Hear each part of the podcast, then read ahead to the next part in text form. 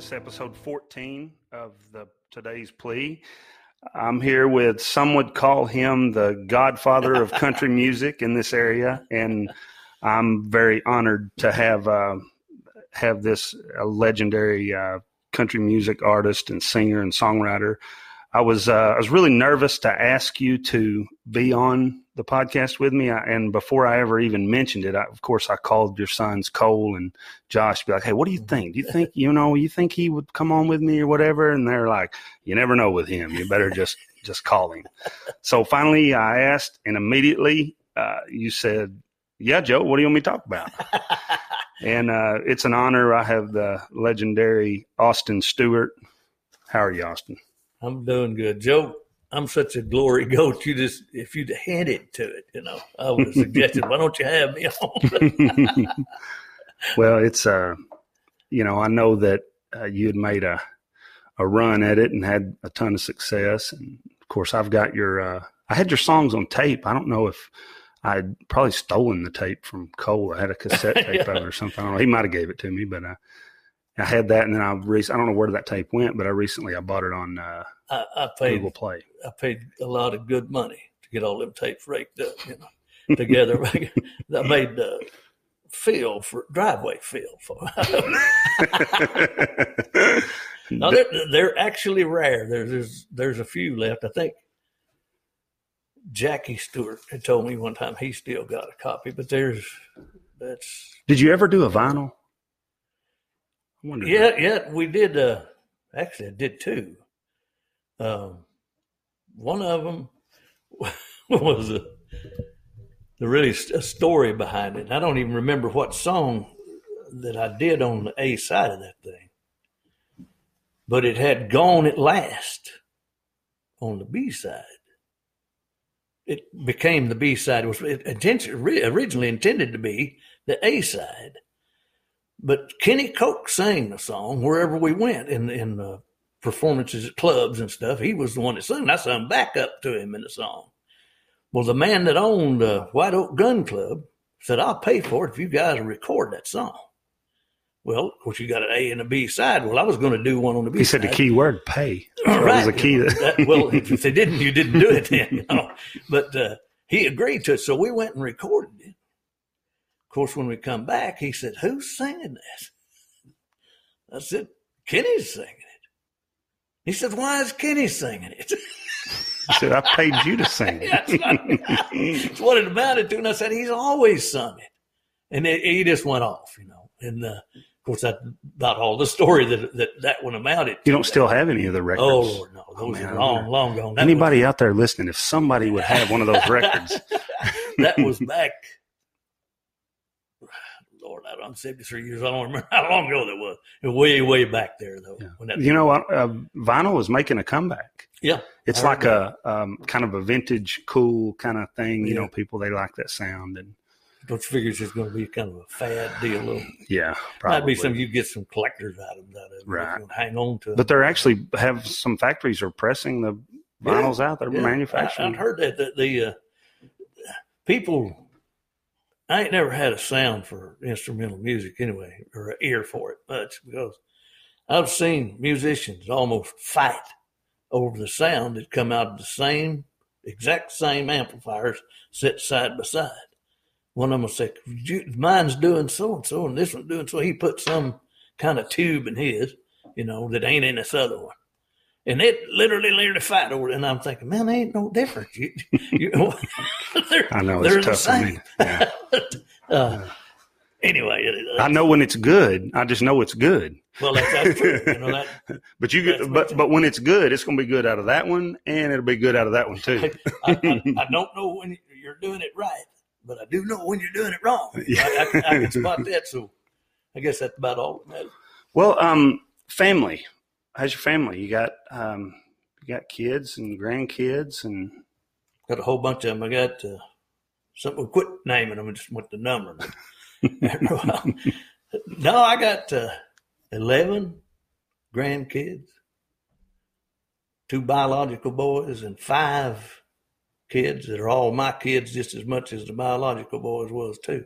Mm-hmm. I come by that out of the Lord book. It said, you know, if you're going to take on something, take it on, and that's that's Mhm. what I tried to do with the stepkids. That way you to- whip them just like you whipped your own, right? Absolutely, you strap them bottoms the same way, either way. But I love every one of them immensely, you know, and they've they're done really good for themselves. Everybody's healthy. Uh, my wife's doing great.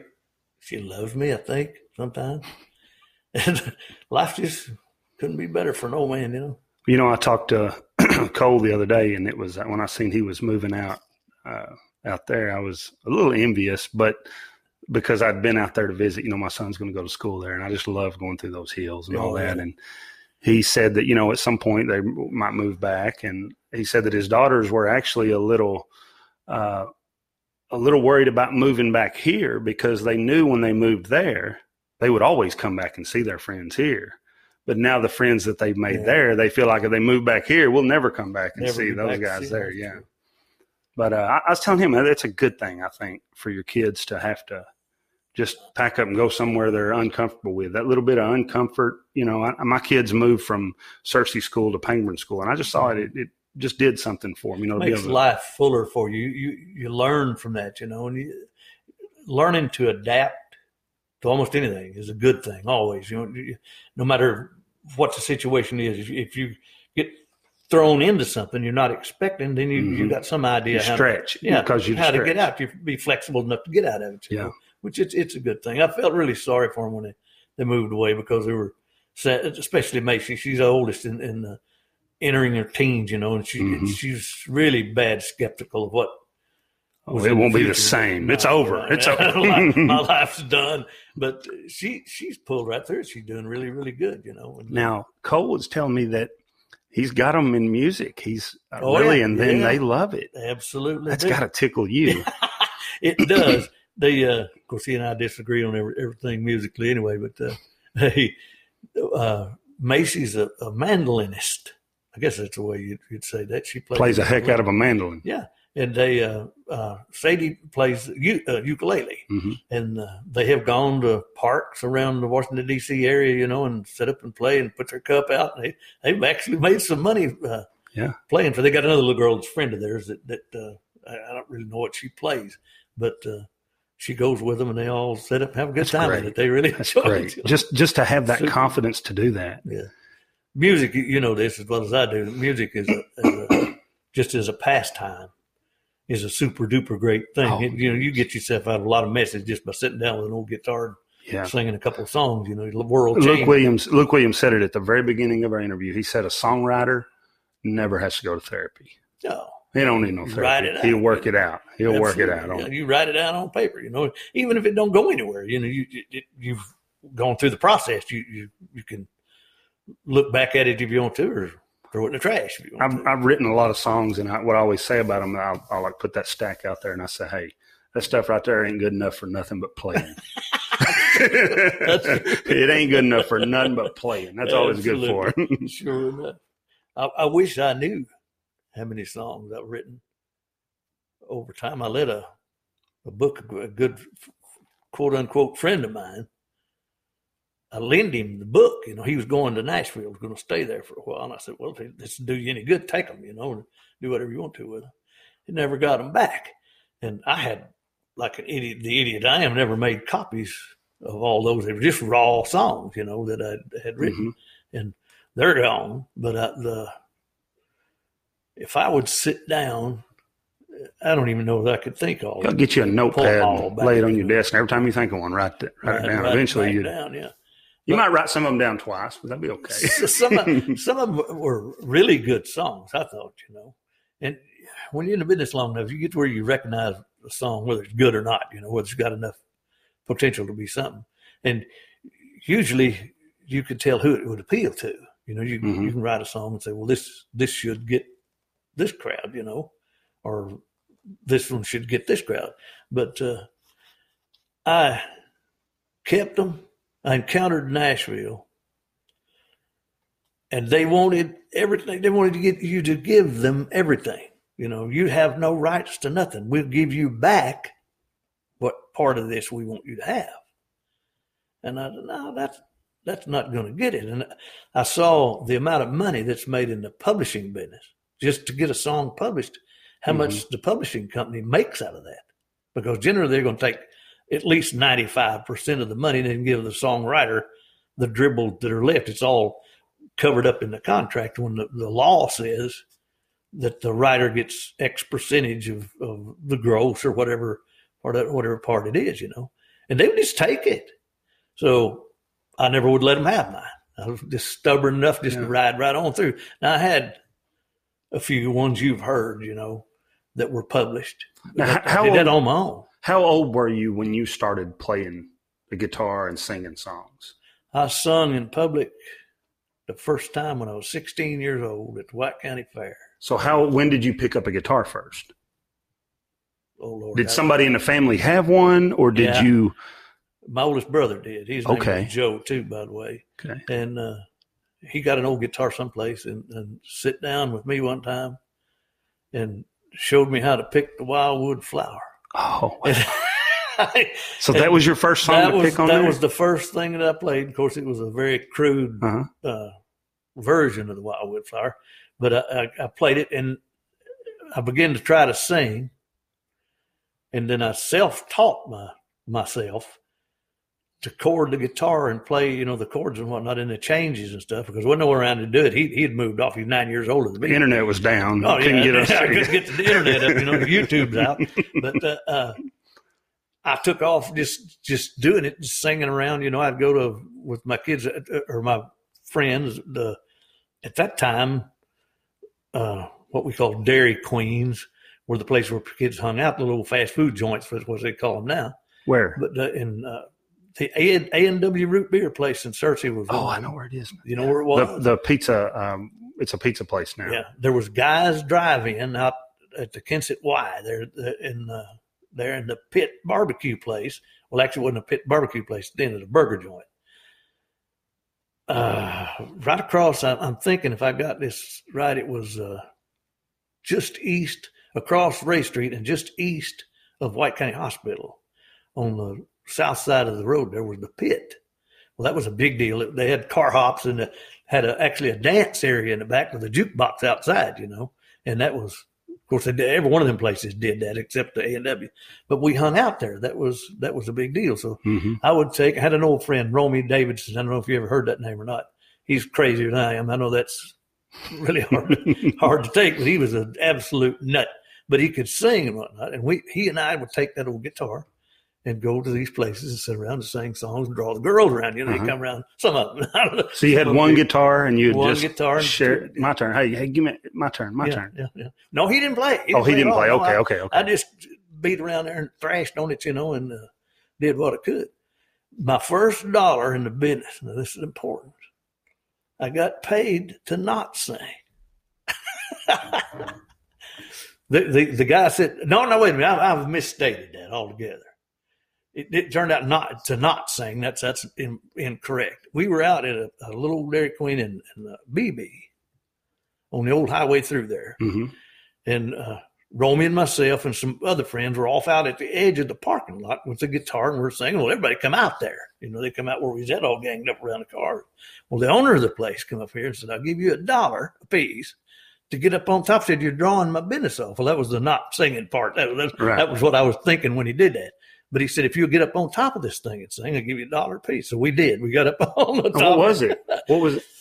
The, what are you running the, the place? No, the thing you're getting up on top of. It was a little Dairy Queen, little burger joint. You had to get on top of the building. Yeah, we climbed up on top. Of course, the, building was a little, you know, mm-hmm. right. You, are old enough to remember how small they were. Yeah. Listen, had a flat front with neon lights all across it there and had a semi flat roof, you know. And mm-hmm. we got up there, I don't know, we probably didn't do two songs, you know, before we got down and got our dollar. But you didn't have a PA mic. And... no, I had confused that in my head about him paying. He did literally pay us not to because that was not out there. Yeah, over here. over here. You come over here with it. But we had a had a super good time in it. And how old were you then? Uh, somewhere between sixteen and uh, 20 somewhere in there. I don't. You, you went home that night on cloud oh, nine, didn't Lord, you? Yeah. Well, every time I did that, then I sung them. I can't. I won't ever forget the first time I ever sung. My girlfriend ain't gonna tell you who it was, but uh, you know, what? and she really enjoyed it, you know. And uh, I thought, man, I've got this made. Let me go back here and tell you how I got in this business. Okay. When I was four years old, I think I may have possibly been five. My family moved into this little old two two room with a lean to house that had no electricity in it. And uh, my dad had had one of them old charcoal battery radios. You know, you know what I'm talking about. The battery was uh, had charcoal cells in it, and that's what that radio run off. We didn't have no electricity. You know, I think the thing was a Philco or something. Because it didn't but need much power. I mean, he, he turned that thing on five minutes in the evening when he come in. The news come on at six o'clock. He turned that radio on five minutes to listen to the news. That's as long as it went, you know. And then on Saturday night, he turned on six o'clock and listened to Grand Ole Opry till midnight. He'd run that the whole time during there. Well, i'd later went back in there, and I, and I know. And you're four, so I'm this four. is uh, 45, 48. 48, okay. Well, I'd lay in that in that bedroom, you know. Of course, six o'clock at night, ain't nobody gonna go to sleep unless you're a chicken. But uh, we all he all put us put us in the bed. The whole family was in the bed, you know, and uh, except him and mother, and they were uh, in the living room, of course, listening to the Grand Ole Opry. And I'd lay back in that bedroom and listen to people sing. I thought, man, if I could do it now, I'm, I'm talking about four or five years old now. That that is unheard of. I'm, I'm listening to that. I thought that's the greatest thing that ever was. You know, that's what I want to do. That's where I want to get. Well, of course, that dream melts. You know, as you get older, you quit thinking about stuff like that. You know, but then that, but then that guitar showed up, right? Yeah, absolutely. Well, I remember when they put electricity in that old house too. They come in uh, uh, one end with a wire and run it dangled over to the next wall and put a drop socket right in the middle of the light bulb in it. That was our living room. Then it went into the kitchen and they put another drop socket in there with a light bulb on it and it went over to the wall and went down and they put a receptacle at the end of the right at the end of the wire. That was the house. So it's wire. basically like running an extension cord in your house to plug some stuff up to. Absolutely. that, that's all it was to it. But anyway, just, that's just a little bit of background of what was going on. And uh, so four years old, you're listening to that four Opry. or five. I can't remember exactly uh, when we lived there, but it was when I was either four or five. The school bus, I remember clearly from that place, walking up to the road with my siblings and watching them, my older siblings, watching them get on the school bus before I ever got was ever in school. So you start at six. I know it was five. It couldn't have been mm-hmm. no later than five, and as early possibly as four. I want to think it was four because I think I started school at the next house we moved to. But that that I, I just thought that that was just the grandest thing there was. And people saying, "Where was this at?"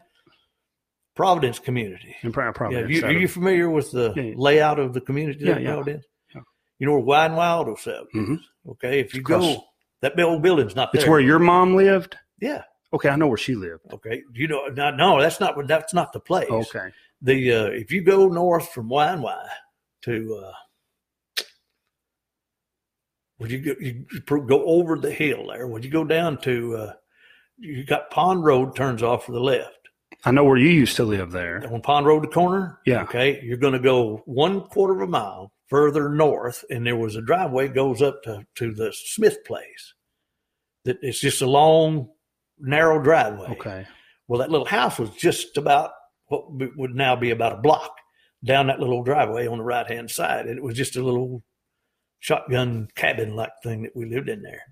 But uh, that's where it all started. And, and uh, after I got up, did this. I went over. I was going to tell you about that thing at the White County Fair. Uh, I had on a pair of old corduroy pants that I hated anyway. Hated them from the time my mama got them till they was trashed. And I'm up on there fixing to sing uh, a Marty Robbins song. I hate being old. Carmen? Carmen. I've heard. How did you know that? Because I've heard you sing that song before. it's the first one came to my mind. I, I got up on stage and took off singing. Well, it's got a voice break part, and I can't do it now either. But I had done that perfect every time I ever tried to do it. You know, I get up on the stage, and I, it come time to do that. It's a falsetto break. You go in the falsetto part and write it, write it down. You know, and it happens mm-hmm. three times in the song.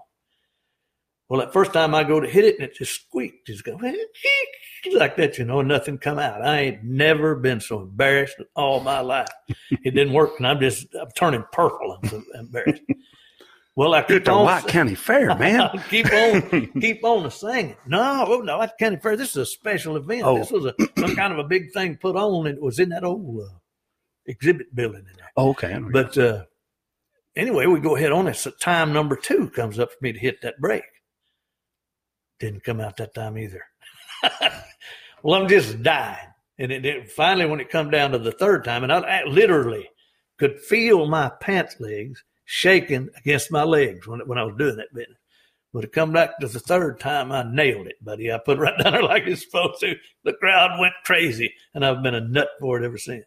I ain't never been able to stop. when that crowd went crazy. Absolutely. I lost it. I lost it completely, right? And that was, you said 16? At 16. At 16. 16 years old. I don't know what part of 16 it was, Yeah. but I went on after that and went uh, Now, t- you may have said it and I missed it. When you had that guitar, when your brother had that guitar, how old were you then when you picked that up? I want to think I was 14. 14. Yeah. So a, couple of years in there Yeah. yeah. before you played that and those people Oh, yeah, I thrashed on that old guitar a long, long time. So I wasn't playing the guitar there either. I, I didn't, Mhm. didn't. But I told you before, you know, I had some reputable people tell me I had no business with a fine instrument but the, uh, the guitar become a feature when after that, an old friend of mine uh, come by one day and uh, asked me if I wanted to join a band. And uh, I said, well, I, you know, try. Well, that uh, joining a band back then was like garage bands are today. You know, we was, we was in a band, wasn't doing nothing. And that went on for quite a while there. And we began to pick up playing like maybe at the fairgrounds or here and there and just kept on. And how many of you were there? Three at first. There was a, myself and my buddy was a guitar player, Barney Humphreys. You, do you know the Humphreys? No, no.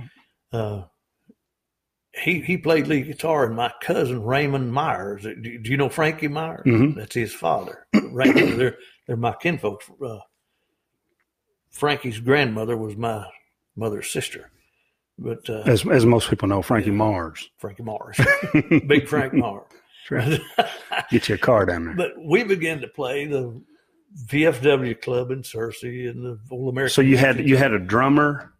didn't get no no drummer. drum- Didn't okay, have so no drummer for oh Oh wow! A couple three years. It's a three piece band, you know, and uh, we played at the VFW, like I said, in the uh, Old American Legion over here, and in little things like whoever wanted us to play anywhere. Then we moved into the big time. We got to playing down in in Little Rock at uh, uh, all up and down the old 67 strip. You've heard them talking about Rock and Roll Highway. Rock and roll highway. Well, we were eventually before the, my story is all complete. I did them all. Did the whole rock and roll highway all the way down to 70 in North Little Rock, and the old tin top, uh, top hat, the green door. These are all in Jacksonville, Okay. and then the 70 Club down on the corner at uh, uh, just on 70 where 67 ran. Now is this 70. still at 16, 17? No, I would have been. sorry. I would have been tw- in my early twenties 20s, at the time. Yeah, yeah, because I didn't have no trouble getting into the places, so I would have been. Uh, I guess I was probably twenty because it seemed to me like I did have to be actually signed into the places at the time by Mhm. my cousin, which was older than I was. But we played all up and down there. Went to uh, old uh, the Lamplighter Club out on Highway 67 up between Bradford or up between Bradford and Newport. Then it just just kept going on and on. I can't. I don't remember the years that any of this occurred, but Talking about Little Rock, when you're playing in that, so you're negotiating, and we're going to get paid this night, and you're you're you're starting Well- to earn income from it. eh, no, Not really. Okay, no. that's what I was wondering. What did it amount to anything? No, no. You, music back then, you either a name or you didn't get paid. Right. You, you play. We pay.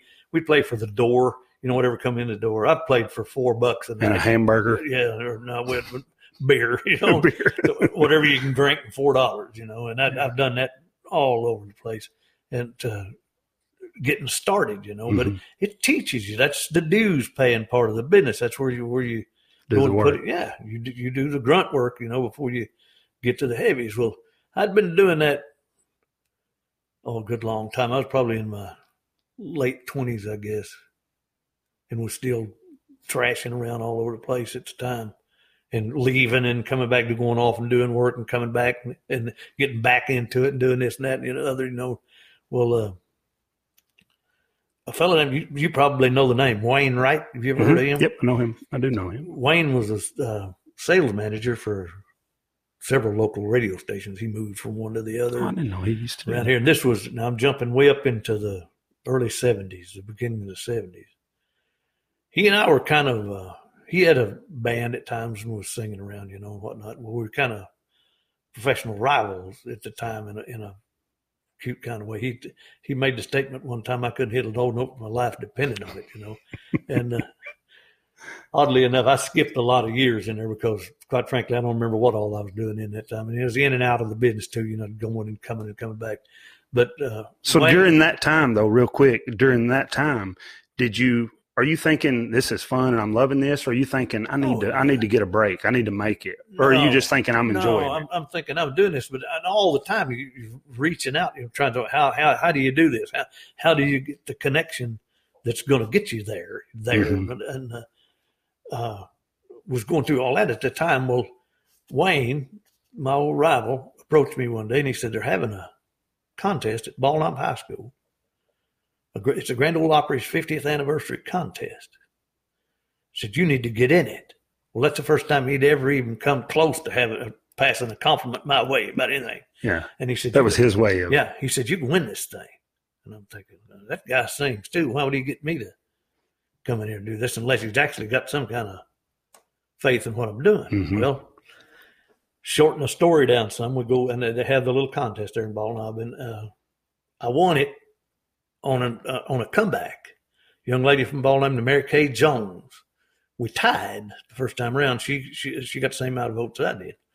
Well, we came back out, and I was prepared to do the third song. You know, had old Alan Yarbrough, a good friend of mine, was picking the guitar. He knew exactly what I was going to do. She didn't have that. The girl could out sing me anytime, you know.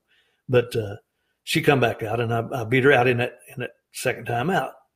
Well, the winner of that local contest, they sent a tape to Ralph Emery in mm-hmm. Nashville, and he judged the locals who would go to the regionals. Well, I get picked to go to the regional out of that contest in Dallas, Texas, and there were seven. Each state had one entry. There were seven states involved: Arkansas, Texas, the region right around Texas, and Dallas. There, mm-hmm. even up in Nebraska, they had the one come down there from Nebraska. But I won that one outright.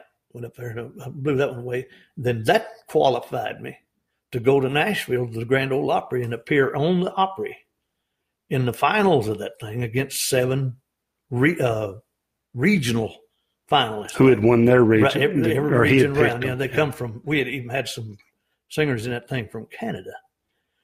Well, not so lucky that they only had a winner. There was no such thing as mm-hmm. second place. And I, and how old are you there? Uh, it was in 1975 when that took place. So I would have been, count that up right real quick. 30?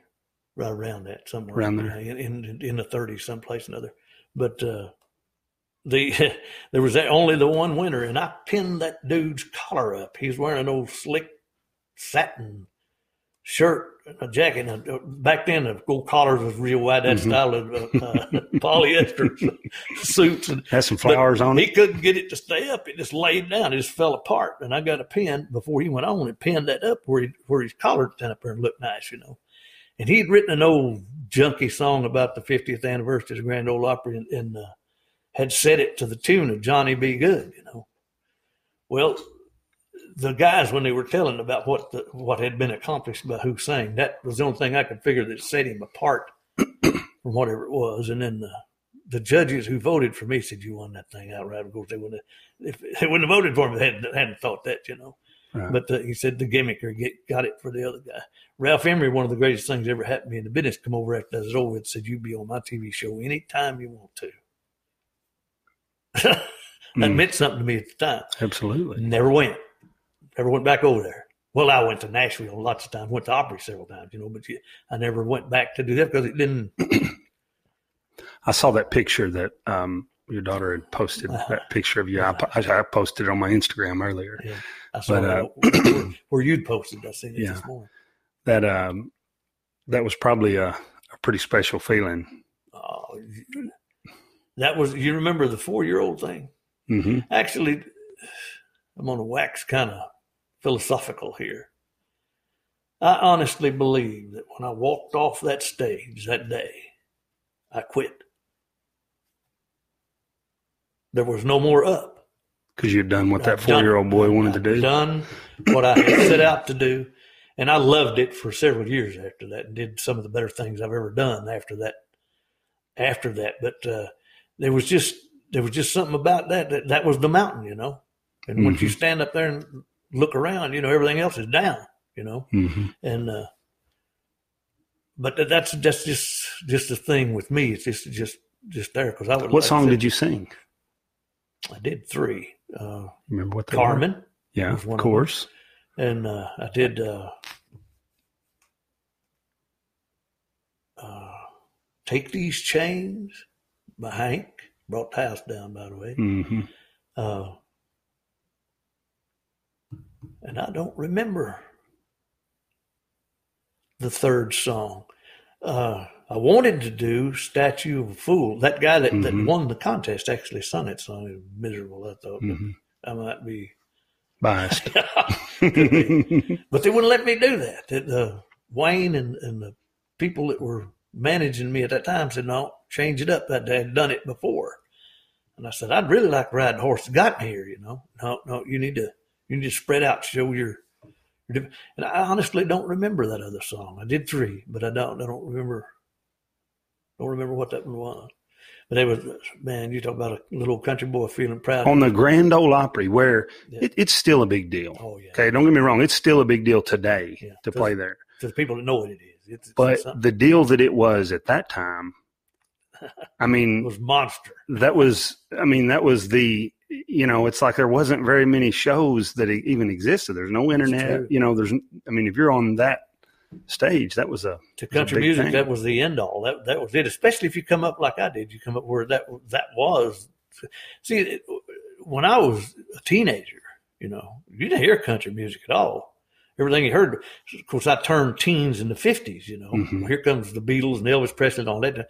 Rock and roll landed. Country was shoved back to the to the back burner. Mhm. from 40 from the middle 40s up until the middle 50s country had emerged. Hank williams had brought it out Mhm. you know and some of the others patsy cline some of the greats had brought it out to where people were really listening to it. Well here comes the beatles and elvis and all of them and crowded it back out again. It become back burner. Well in the 70s where my heyday actually occurred 70s 80s then uh, the outlaw movement that by Waylon and Willie and all that Mhm. brought just what was they called it outlaw, but it was just country music, Mhm. It- and they brought it back. Well, I landed just as it was making its return, and labeled myself outlaw because that was that's what country was then, and uh, rode that horse, you know, on through all the rest of the things that I did, Yeah. and uh, it country music ain't never been given a fair shake. I don't, and it's because you and I were talking before we started recording here about them hills over the Appalachian Mountains over in the Mhm. in the east. It come out of there, and it Uh, come, uh, the other side of Lexington. absolutely east of Lexington, Kentucky. It come come from those hills, and it come from hurt. You know, people sung woeful songs. You know, things about sadness and things that hurt them, and things that they faced. Well, there's a large group of people who don't. Uh, well, I'll give you an example. My nephew loves me, or my niece loves me as much as you can love an uncle. You know. Well, I put an old song on the internet here a while back, just sitting with a picking and, and put it on there. And she said, I love the song, but you need to do something that's happy. Okay. I never was into happy.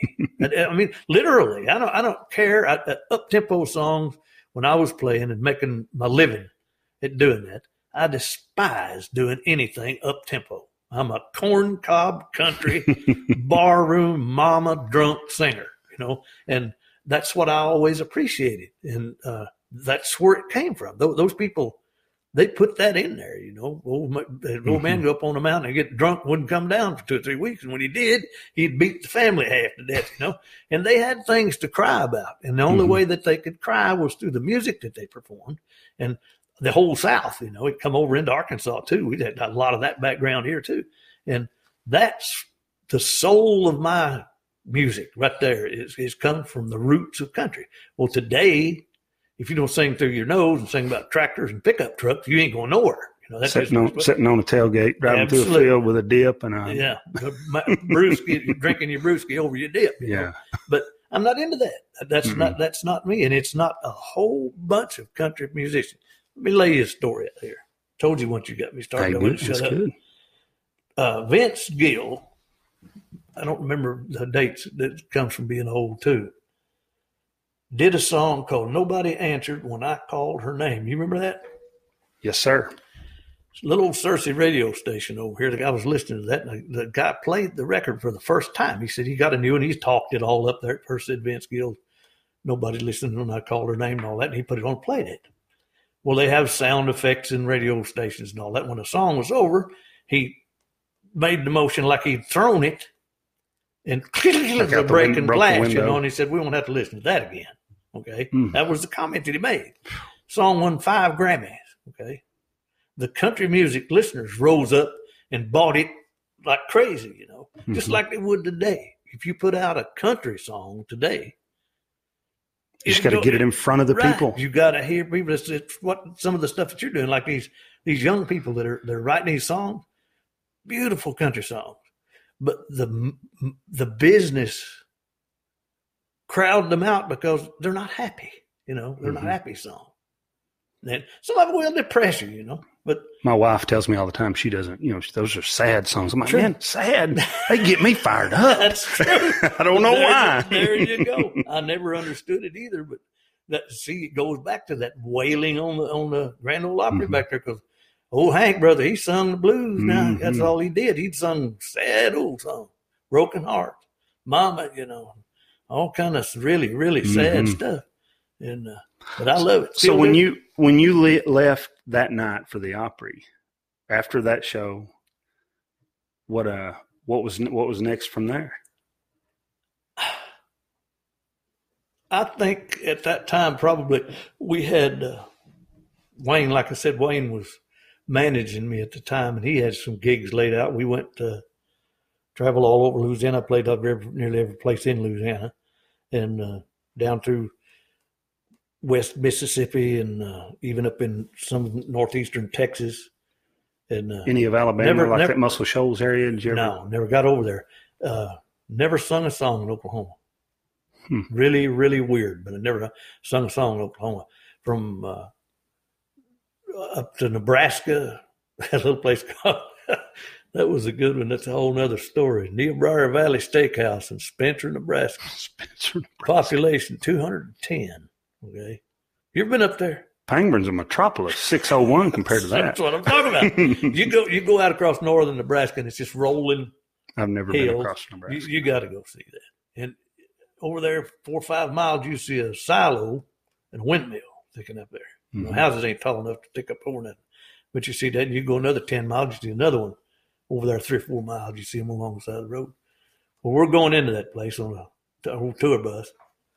That's what I was about to ask you. So y'all are on a tour. yeah, bus. we're we're we're big timing in. We're we're touring around all over the place. We uh, cruising into Spencer, and uh, past that sign said uh, population two ten.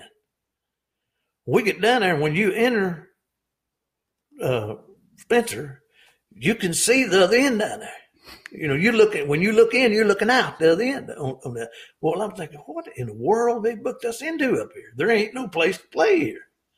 Well, we go down there right in the middle of this little row of buildings on the right hand side of the street, and right in the middle of them is Niobrara Valley Steakhouse.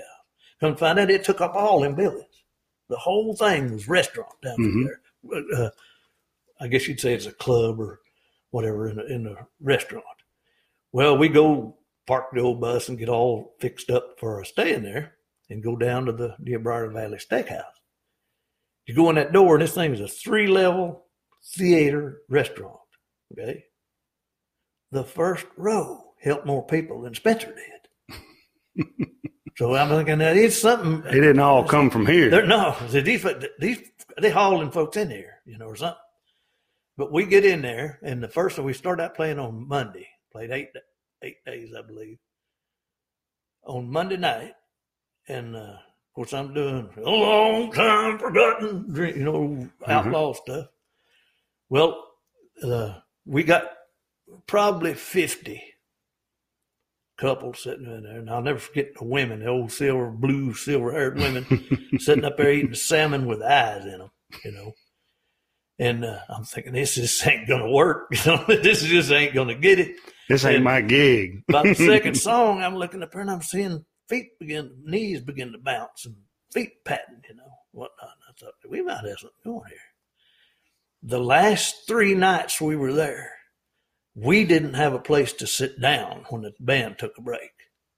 That place packed out. I know it held somewhere between three and five hundred people in there, somehow or other. Yeah. And when we took a break, we couldn't sit down. There was no place other than you just sit down on the on the stage. It was slam full because the word had kind of traveled. Weekend. And well, then the weekend came. I want to think that that's you know they mm-hmm. well Austin's here. You know we're we're all going, but we did a, a farthest that was a tradition to, to the people there. Find out, identify the farthest drive to get there. 120 miles. Mm. 120 mile drive in there to see some yokel Spencer from, from Providence, Arkansas. Providence, White from White County. On the way back, we we was uh, somewhere. No, I don't remember where we were going at the time. We, but up in the we are still in Nebraska, someplace another temperature about 115 degrees outside. Air conditioner went out on our little bus. Well, old James Selvage over here was, me and him was bunked in the very back of the bus. And I didn't, when I laid down there and went to sleep, I didn't know the air conditioner had gone out. It did it while we was laying there asleep. Well, he and I rolled over to face each other at the same time, across that aisle in that bus, you know, and looked up old James racked up on his elbow and said, This is where we women ain't it? we were big time, buddy. I ain't kidding you. We had it made those were the days we traveled around and then what's the furthest uh, that way you went the furthest west you went? I performed in las vegas a couple times. Quite by accident but it was it was there. No i just uh, i was trying to remember did uh, south missouri? Man i don't remember. There's too many places yeah. and too many faces between here and there but uh, a lot of club work, and it's all about all we did then. I did a, a concert down in uh, actually Downville, Louisiana. That's another place that's about a population 110 or something like that. But they did a Bryan Meatpacking Company put on a an outdoor concert down there with uh, and Waylon. this is where this is Downville, Louisiana, right outside okay, Farmerville, Louisiana, gotcha. and uh, they had uh, uh, Waylon Jennings was the headliner tried to get Willie, and he had a crossed engagement. We had them both down there. Waylon was headliner. Him and Jessi Colter. Hank Jr. was there. Uh, David Allan Coe. Jerry Jeff Walker. I want to think Charlie Daniels was there, but I'm not really sure about that. I don't. I don't really remember. Uh, probably tell you who, who, who would know. Eddie Simmons would know. An old friend of mine. He was there. Yeah. Uh, Who's the fiddle player from Louisiana? Old crazy fiddle player. Um, Turned me against him that day. Doug Kershaw. Oh, Kershaw. You, you, are you old enough to yeah, remember yeah, I know him? Doug Kershaw. Yes, he used to play, and when he got done, he'd horsehair all over his bow. Mm-hmm. You know? Mm-hmm. I always, I just loved that guy. I always thought he was the greatest thing since sliced bread, you know. And down at that concert, I met him backstage and uh, walked up and introduced myself. I, I started to say, I've been a fan of yours ever since I was a little boy, which I had been, you know. Mm-hmm. He reached over and punched me, dodged my hand and punched me in the chest and said, Tell everybody. I thought, well, no, I don't think so. Not now. not now. Not, no way. and he just turned me completely off, you know. Yeah. but why would you do that? What? People, I think, honestly, they just they forget where they came from. Yeah. you know what I mean? It's not that they're and you see it happen a lot now. It's not that they came from that, and that's how they always. I think they just kind of forget where just they forget came. Or get to maybe imagine their themselves a little Yeah. outside their own shell or something. You know, Yeah. I met some really humble, good people in that business. And I'm talking about some of them that had made big names for themselves to the genuine, you know, just genuine people. And uh, but boy, there's some trash in there too, Yeah. some serious trash. He's one of them, as far as I'm concerned. you know. Now, if you if you had it to go back and do again, to start from, you know, twenty playing in Jacksonville and Little Rock and all that, from there forward, would you change anything about it? Would you do any of it different, or would you do it just like you did it? I don't think so. I don't. I, th- I think for me, that dream played out just like just like I needed it to play. I wouldn't have known how to handle success any earlier than when what little of it I got actually got there. You know, because Mhm. it, it uh, and I didn't like the business. I don't like the business today, although it's changed quite a bit with the internet. You can do pretty much whatever you want to. There's no not a, whole lot of regulations. You you can make it if you if you can make it. You can Yeah. make it. If your You stuff's good, you couldn't you do can. that then. You know, you had to you had to go and tug the right shirt tail. You know, to, Mhm. and then do whatever they tell you to do. And I couldn't do that. Now, weren't you offered? I've, I've heard this story, and I don't know if this is exactly how it went, but I heard that after that deal at the Opry, after you played there, that you were offered a record deal. Absolutely was. There was a man lived in, in Heber Springs, Arkansas. He was a, I, I don't remember his name, but he was a stereotypical country producer with a cigar stub in his mouth, big fat red-headed dude. He'd have gone about 400 pounds, I imagine, and had was smoking an old stogie when I got in there. Well, Wayne and I went up to visit him. He he, he had seen me perform at Heber Springs at an outing up there that, that uh, we had done, and he called us in there to the interview asked about he he had been a, a very successful producer, it, as it turns out, in Nashville and Detroit and in Los Angeles. And uh, anyway, we go to sit down with him and introduced himself, you know, and all this. And he starts out telling me that uh, where he'd seen me, and he said, uh, "Young man, you have the talent to make it in this business." But he said, "There's some things you need to know He said Wayne and I have talked, and he said Wayne tells me you've got a family and two little boys, Josh and Cole, just babies at that time. Well, you can remember when all this just about went down. Probably you weren't paying no attention to what's going on around, Right. but you you do remember that area. And uh, well, no, you you'd have been too small. But anyway, he he, sat down there and he said, "This you should pay attention to what I'm going to tell you." He said, "I can put you." two songs in the top 20 in six weeks. Now let that soak in, okay? He said, I will guarantee to have you two songs in the top 20 in six weeks if you sign this contract. But he said, first, I want you to know what's in this contract. Then he started calling off things. He said, uh, everything, he said, well, he told me first, he said, the contract it was kind of a weird number, like 37 point something percent. I don't. It's crazy. I, I thought I'd always heard it. A third, thirty percent is what what generally you got for a personal manager, and that's what he was going to do, and he's going to produce me too. But it was thirty something percent. He said that I'm going to get that right off of the top of every dime that's made in your name for the duration of this contract. He said it's a five year contract with a two year option. He said that option's mine. It's not yours. He said if you're still selling records or selling tickets at the end of five years, I'm gonna hold you two more years. You're gonna be bound up for two more years. And he told me what all he's gonna take out. He said it comes out of the growth. He said, "Don't come out of the net." He said it comes right off the top, wherever a dime turns in your name, thirty whatever it was percent, I get. So it's not of the profit. No, no, It's- the growth. Yeah. whatever the growth. whatever the income Right. money that comes in. Absolutely. Well, if you do a show and it brought in five thousand dollars, but you got to pay lighting and all that, he gets thirty percent of five thousand, and you can deal with the lighting. he certainly does, and he made that very clear. The old man was very succinct in, in what he was telling me. And he goes on. He said, "Now, when when you do when you do a record, you're going to promote it. You're going to be where I tell you to be. You're going to look like I tell you to look. You'll sing like I tell you to sing." And he goes on telling me about all this kind of stuff as it uh, as we as we go further down. What all I'm going to do, you know. And uh, he said, "If I tell you to take dope, you'll take it." He said, if I tell you not to take it, you won't take it. You'll drink if I say so, and you won't drink if I say so. All right. And he goes on and telling all that kind of stuff. And he said, if you do, he said, you broke my contract, I'll own everything you got for the rest of your life.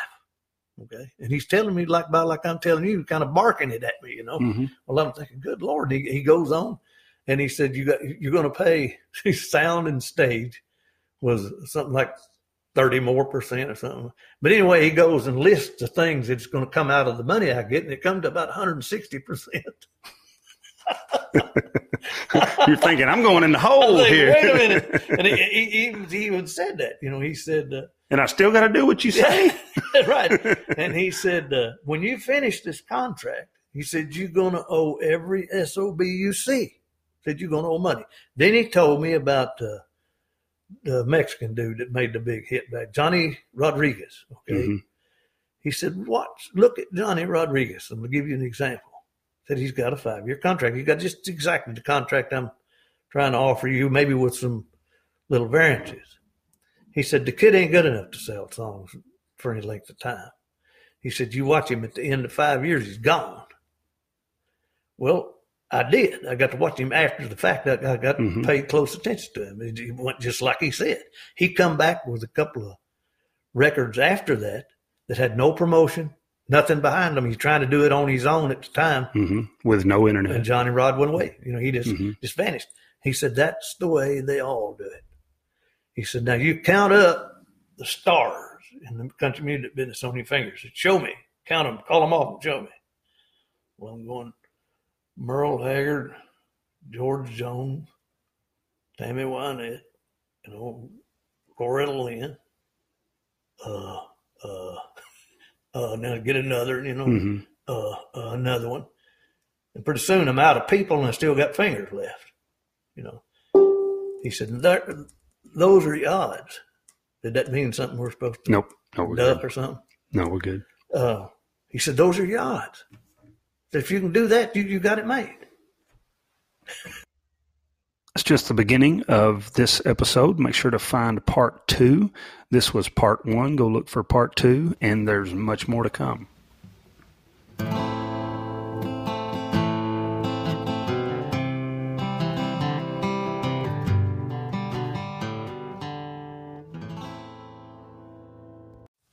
And when we left, oh, he kept shoving that contract out there toward me, you know.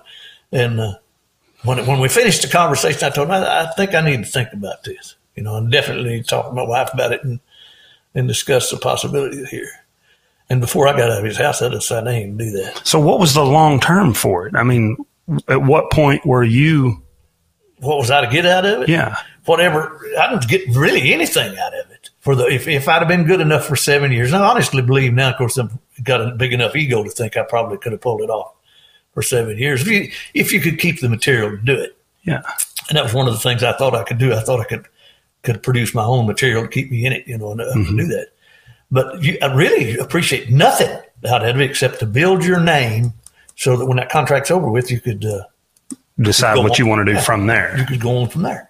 And uh, I just didn't want to do that. Just turned it down. And so I'm not, I really appreciate it, and I did. Uh, The man did me a, a huge by by even offering it, but I don't want that.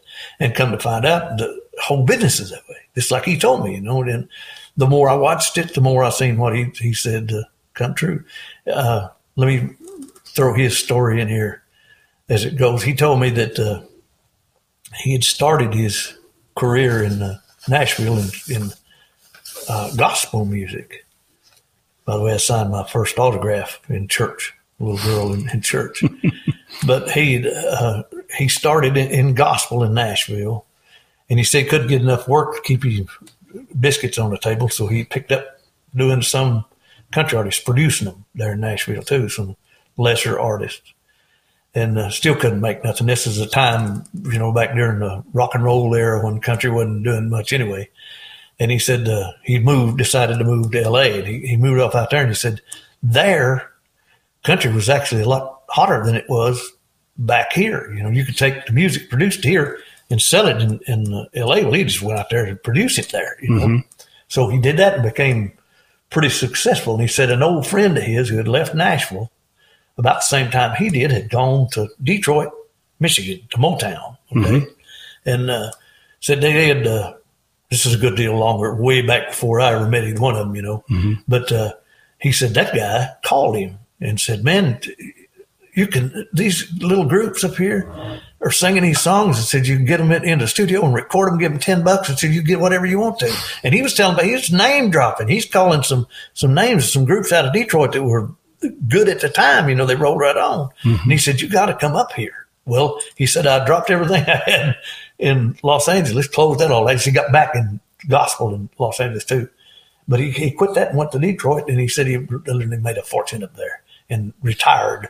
It's because though that that artist, their art, they didn't know the value of They it. had They no just knew idea. it was ten dollars. They didn't ever they never saw the cash register ring on that other end. If they would have, they Well- would not have settled for that ten dollars. But they just they were ignorant. They, They- didn't they didn't know.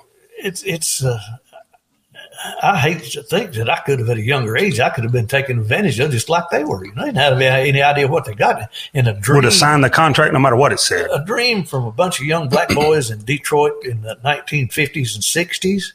They didn't ever even even consider making. They had a- they the didn't think they had a chance. No, they're just doing this and was thrilled to death to get to go in and and sing and make Mm-hmm. ten And get 10 bucks. bucks. Yeah, absolutely was. Yeah. but It's uh, a shame. it it is too. It uh, You wonder how many how many good artists were there that you never heard because Lord. they wouldn't. I, I'm, and I would put you in that category. There's a, a lot of people that have not heard your stuff, and the reason that they didn't is because you weren't going to give it to that guy. You know, you, you know, it, you, I was I was selfish enough to tell you can do me that way. You know, I'm not going to Yeah. do that. I, I What would do you rather, do with your- I would rather do it for Joey Brewer and these people right here. I got some right here in Pangburn, Arkansas. Some of the best fans I ever had in my life anywhere. Mm-hmm. It's truly great people. Heber Springs, this whole area, of Arkansas, was the Mm-hmm. core of my support right here. I mean, they, they were genuinely good people, you Mm-hmm. know, and they'd throw that quarter out to hear me play just about anywhere. So, mm-hmm. and I, lo- I love them to death, still do, you know. yeah, it's But you got what you're doing here, Joe, is to be commended because if you if you give someone a doorway, just open the door a little bit for somebody who might consider themselves that has a little four year old dream, you know, mm-hmm. just step out there, you know, mm-hmm. take it and take it and run with it, see what see what happens. Because if it hadn't been for the encouragement that I got from just random people as I went along, you know, I would have quit at any time. Yeah. I was in and out of the business there from through all them middle years for, you know, I'd go off from work. You had, to, had to put biscuits on the table. You know, go off work and then come back and do it again, you know, and then work and do it at the same time. And that's, that's really tough to do. But uh, there's talent, Joe.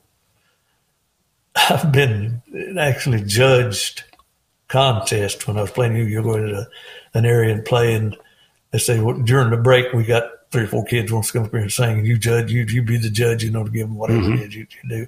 Come up here and blow the doors off the place, you know. Some of them mm-hmm. just fantastic, and I'm like, well, why ain't you out here in my place? You know, why ain't you doing this instead of me? But they need a door, and I think what you're doing is a, is a good. Well, there's a there's a guy in, and he's going to be on in a few weeks. We haven't set a date and a time, but his name's WB Walker, and he's got a uh, a podcast. It's on. It's in uh, the other side of Lexington. It's in actually in West Virginia. I forget the name of the town, but anyway, he started the podcast, and he started it because he wanted people to hear the music he liked yeah, and you know, and it just it went from there. He had these people on. Tyler Childers that I let you listen to earlier had him on before he was, uh, you know, uh, was Tyler Childers, and um, and that's the thing is giving. You know, you just got to hear it. You got to know it. yeah. You know, if these all these artists that write their own music, you know, the uh, that have songs they've wrote, yeah, they may play in a band at the in, in the clubs and they play what people want to hear because that's why they showed up. But they also have their own stuff.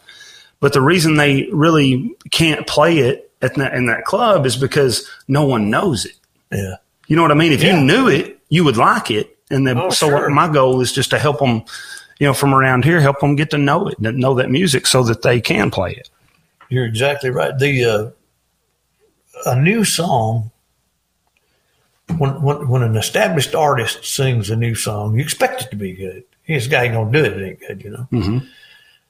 But and I've always done this too. I don't know if you, how, how well you followed my career, but I did a whole bunch of songs all the time that nobody else did. You know, I wouldn't do. I ain't gonna compete with it with Elvis Presley on his song. That, that's just kind of stupid. Yeah. You know, and the ones that uh, one of the complaints against me was that Sing it driving down the road, Right. but yeah, you know, I try to get there, but you can't. But I would do uh, B side stuff. I'd go find that stuff that, that, that never was played, you know, and, Mm-hmm. and bring it out and play it. And people love it, you know, they- because those songs generally are the ones that are written from the heart. The A side is written commercially. They're written, to, and I heard that word, oh, Mm-hmm. commercial. You know, it's got to be commercial. Well, no, it don't. It's got to be. It's it's got to be out of here, Genuine. right? And then then you it goes to the person who who actually has that that feeling for that song, and they'll buy it. You know, they're the ones that I got to have that, and they're going to Mm-hmm. go get it. You know, but all the others are going to go on the jukebox. You know, Now, when you write, when you were writing, did, how, how did you do it? Did you get an idea? Did you sit down, just I'm just going to pick for a little while, and then something came together? It just, it just, the, the songs that I've written just fell out of the sky. The very first song I ever wrote was called Pencils. You probably, Ah, well, that's on. That's one I'm coming to right now. So you, you're you're spot on. I wrote it in 15 minutes, within 15 minutes time. Where did where'd that song come from? Because that song, I mean, it's a little cryptic, I know, Yeah. and you can listen to it and you think, well, well, maybe no, yeah, You're, you're not old enough to remember the old gentleman in Searcy, Arkansas used to ride, had no legs. And he rode around on a little four wheel, flat four wheel cart thing.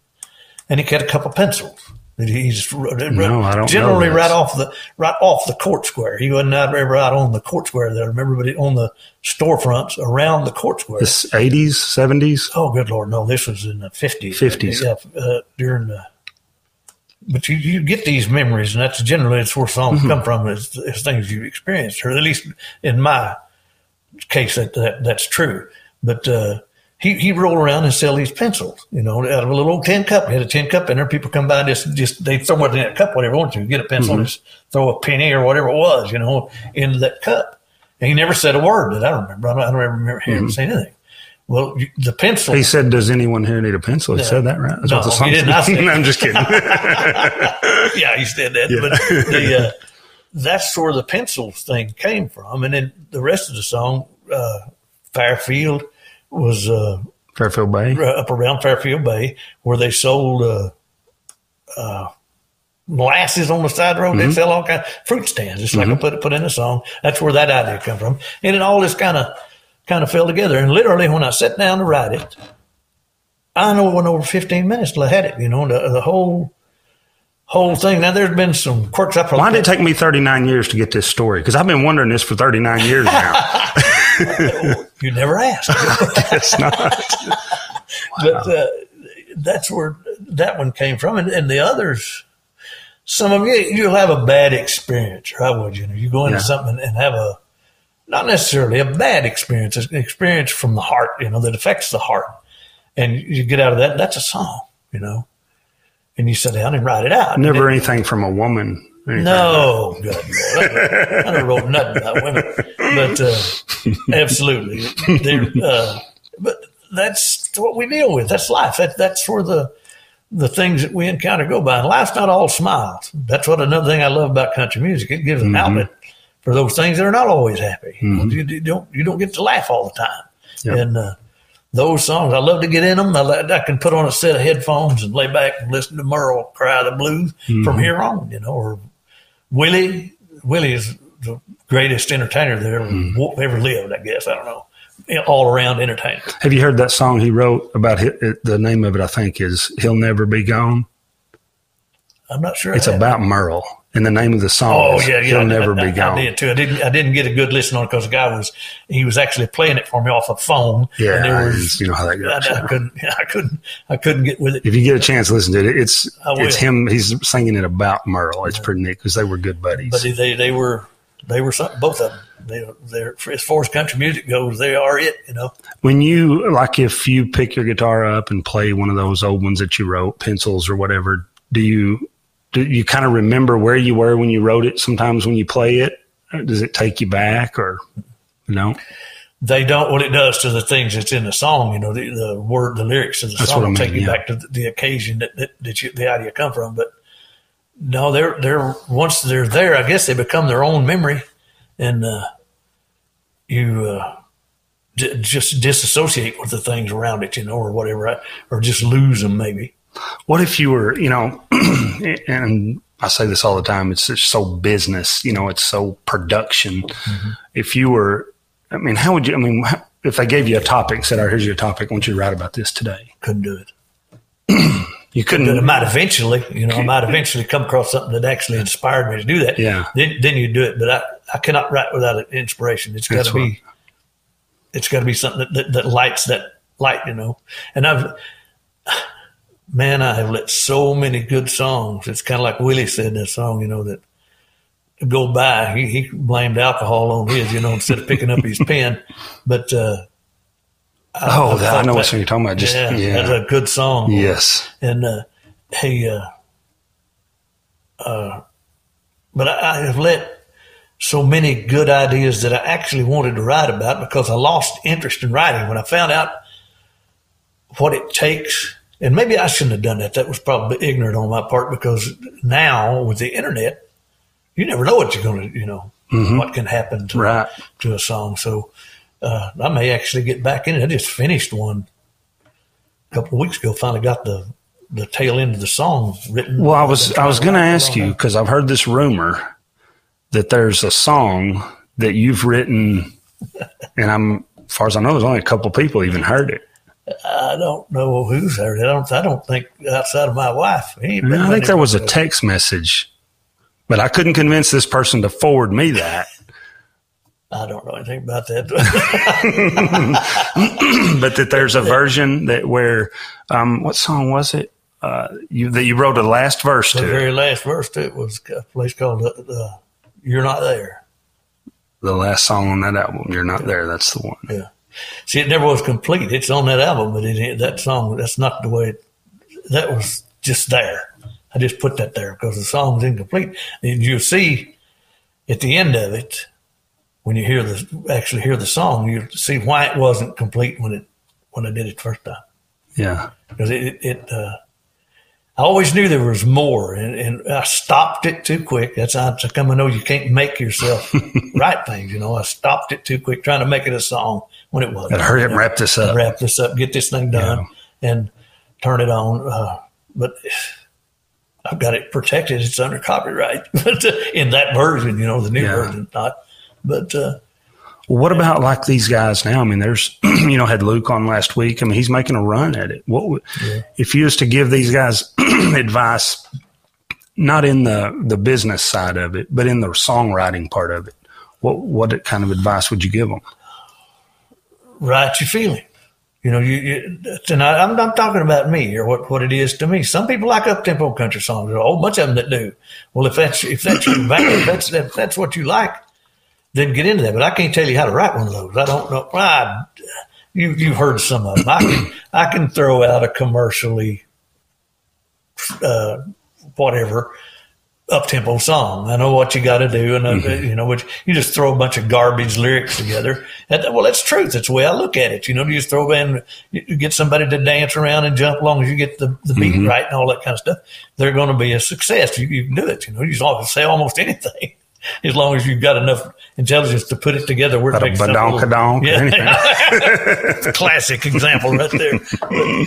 But, you know, it don't it don't matter because they ain't listening to the song anyway. It's mm-hmm. just just it's the spirit that's in it that they're trying to get up to. People jump up and down and party, and I partied a little in my life. You know, not not a great lot, but uh, enough to know, you know, what partying is. Yeah, but uh, never got into the up tempo country. It just don't.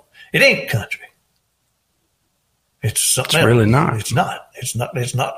I'm not saying that it's wrong or bad. No, but, no, it sells. People, people buy it. You, you go buy this stuff today that they're selling out there today. The kids just eat that up, you know. Mm-hmm. But eat it up because of just what I was telling you. Because it, it's the the. Like I hate to say tempo because that's not. It is actually, but it uh, it goes to, I think, kind of a tribal kind of stuff. Just to uh, beat on feel good. Yeah. yeah. it's not. It doesn't get in your soul. It doesn't. get, no. You know, it don't. It don't give you a feeling. It's like it I just, always you, felt. You have about, fun when it's being played. It's like I always felt about Star Trek. I'm a Trekkie from the word go. I'm sorry. well, I understand. but the reason I'm a Trekkie is because you can turn on Star Trek and turn off your mind. Mm-hmm. You didn't have to try to reason it. You don't have to try to think about it. It means nothing. You just get, you just you know watch the images. The kind of like being on an LSD trip. You just watch the images go watch the beautiful butterflies. But to me, that music is the same. Yes. same way. It You know, Kelly- anything. You know. Do you know Kelly Ledbetter? He had that little. Ah, yeah. Okay, he played music for a while. Well, Kelly, uh, when he, he had that little music shop up here by the um, by that across from Young's Tire, kind of behind that little old M and L tire shop there by Burger King. Oh yeah, I remember, me- yeah, I remember when was there. That's Yeah. where I saw him last. As a matter of yeah. Well, that was when we were in high school, and me and my friend Aaron. I've told this on the podcast before, but we used to go in there and see him, and talk to him. Just you know, look, need some guitar strings or whatever, and just listen. He's he's a good talker, and I'd like to get him on here. But he told me one thing back then that stood out, and I thought I've thought about it ever since. I thought that he was exactly right, and that's the greatest line that was ever written in a song was by Billy Joel. And you know that song Piano Man? Mm-hmm. He said, I know that it's me they've been coming to see to forget about life for a while. There you go. That's it. And that's why music is so powerful. That's true. And that's why writing from the heart is so crucial because You relate to you can't forget about life for a while. This guy just made, you know, it's just something that ain't, you can dance to it. people relate to it. Did, oh, did you ever know Dr. Olin Bridges? Heard of him. Okay. He was an old friend of mine, followed me around all over the place. You know, if he'd ever got rid of his ex-wife, he said, "I'm gonna spend every dime I got to make you famous." he didn't make it, but he, he was a character. But he told me, he said, "You you see these young guys. This was the beginning of this stuff that they, they got out here today." He said, "You come out here and, and they get up there with their guitars and turn their face sideways, and you see row of zits in front of their ears." Said, "They don't even got a clue what they're talking about." Yeah. "They ain't gonna go nowhere." But you take some old drunk looking stooge like you. So when you get out there on the stage and you come down on a George Jones song, the people are looking at it and say, that guy's lived every bit of that. You know, he's putting it out. You know, he feels exactly the way I feel when he's doing that thing right Yeah. there. And, uh, that's, that's country. You know, it, it, it always is. I mean, it's always going to be to me. I, I'm not going to, I'll do, I'll prostitute myself. Okay. To fill in the blanks, you know, to keep you, keep you from just beginning to bawl. You know what I'm trying to say? to keep the spirits up. You know, Yeah. you do that. I, but that's that's outright prostitution. It is for anybody who's who's a country dude like me. You go back to uh, Hank. He did the same thing. He did. Uh, he do. I saw the light. That's not, that that song. By the way, I want to get the, this plug in here on your show. I put up a Bible lesson on the internet every day. Okay, Yep. straight from the words of the text. And you can get it by going to austin.stewart.com. Don't cut that out. Austin.stewart.com. All Spelled just lowercase. like Austin and just like Stewart is spelled. No. And, uh, but religious roots in countries, like I told you, mm-hmm. the first autograph I ever signed was in church. Gospel music has that same mm-hmm. effect that real country music does. It's an mm-hmm. emotional deal. It's there for the emotions that it brings, you know.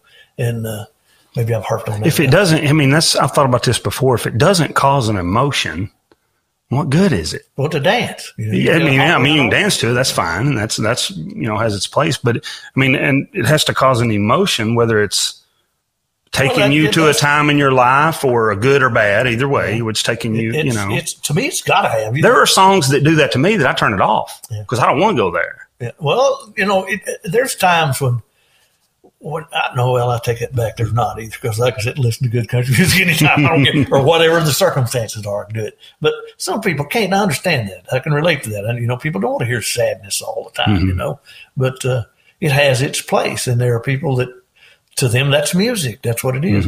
And they're cheated. Those guys, just like the ones you're trying to help out here now, they're cheated by the only thing that you can market has got to be about sitting on a tractor with a mouth full of snooze, you know, and, and drinking your brewski and, and kissing your tractor or whatever. You With know? a jacked up four wheel drive. yeah, it's really, and it, that, I don't know. Well, sometimes, you know, sad, this is how I look at. It- Sad, yeah, this may be really sad, but I may like hearing it because I may not be sad and I may be so happy that I'm not there where I was the first time I heard that. You know what I mean? I want to celebrate that I ain't there. I want to hear it. I remember telling you about when I was growing up, I was country before country was cool. And that's, that's absolute truth. An old friend of mine named Don Williams, he and I used to get together when we was teenagers, you know, back in that very early age. When now, he, is that Greg's dad? That's Greg's daddy. That's what, you I, know? that's what and, I uh, thought. He uh, he and I'd get together with our old guitars, and we'd go to that old gravel pit. You know where that is out there, in, uh, or used to be. It's Yeah, it's a anymore. gas rig or whatever now. Yeah, It's that's old clay pit. That's where everybody went to fight. Right. yeah, that's where you took your fight. But uh, he and I'd go over there. It's, it's just me and him build a campfire. We'd sit there, them guitars, and play all night long. We'd sit there and play old sad country songs back and forth to one another Yeah. all night, you know. But uh, and you didn't get no up tempo there, buddy. You know, it was all yeah. from the heart stuff. But uh, Yeah, you're not coming there for the up tempo. no, no, that's true. You get the get the real stuff there. well, uh, you mind picking, playing a song or two for I'd us? rather not, unless you want to pay me. You know, I, I'm professional, so I don't. I would have to apologize if I do. For what? Well, I got a frog about the size of your fist in my throat. You've been, probably been able to hear that the whole time I've been here. Yeah. But And those arms fold up. oh, they do. Hey, that's cool. Check it. That's a good guitar playing You chair. got this. See, I had a cramp in my arm.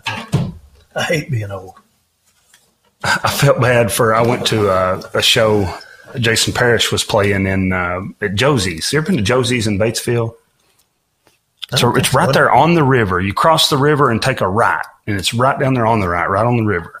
Big, nice restaurant, really nice place. And On, on the right, on the right, you say? you go right over the river at Batesville, over the White River, Yeah. and you take a right right there at the light. No, the one I was went, going to was on the left. You go back down into the old town, old town part of Batesville. Now they had one there that burned a long time ago, and I don't know if it was in this the same same one, And they rebuilt I it here. it is. Really nice. Well, that worked out pretty good. I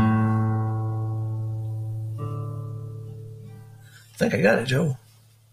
I come prepared all the time. I'm one of the most prepared people on earth. you got any requests? Anything on here? Uh, one of the parts of my show was I've had a lot of requests, but let's go ahead and sing anyway. It's like that.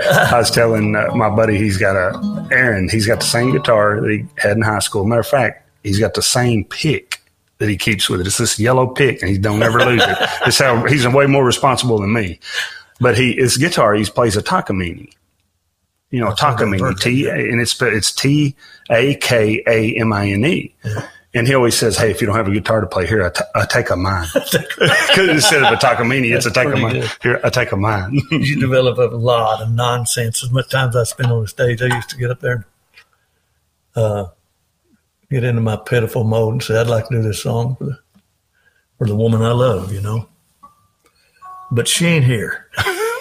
so I'm going to do it for my wife. I did, did a whole bunch of those, as you know.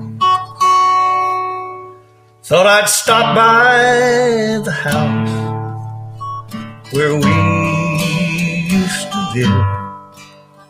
It surprised me how little things have changed.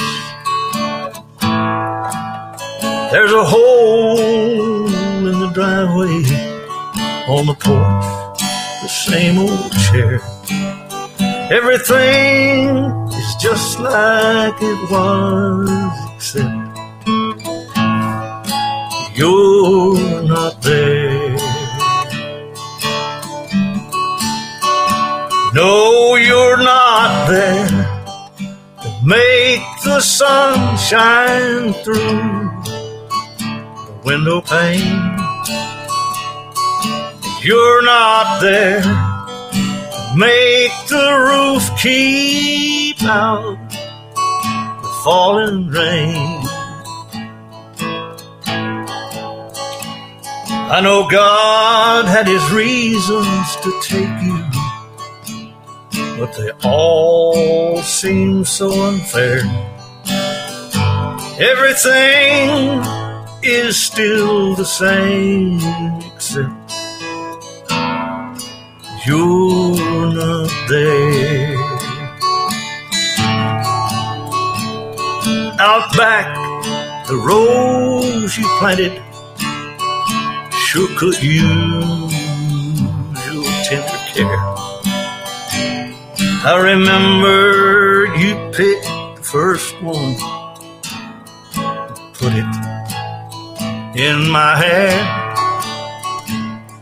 The love that kept us for so long still fills the morning air.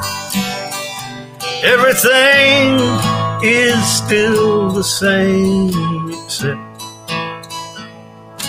you're not there. No, you're not there make it live the way it did before. I won't hear the echoes of your laughter anymore. There must have been reasons to take you, but they all seem so unfair. Everything is just like it was, except you're not there. Everything is still the same except you're not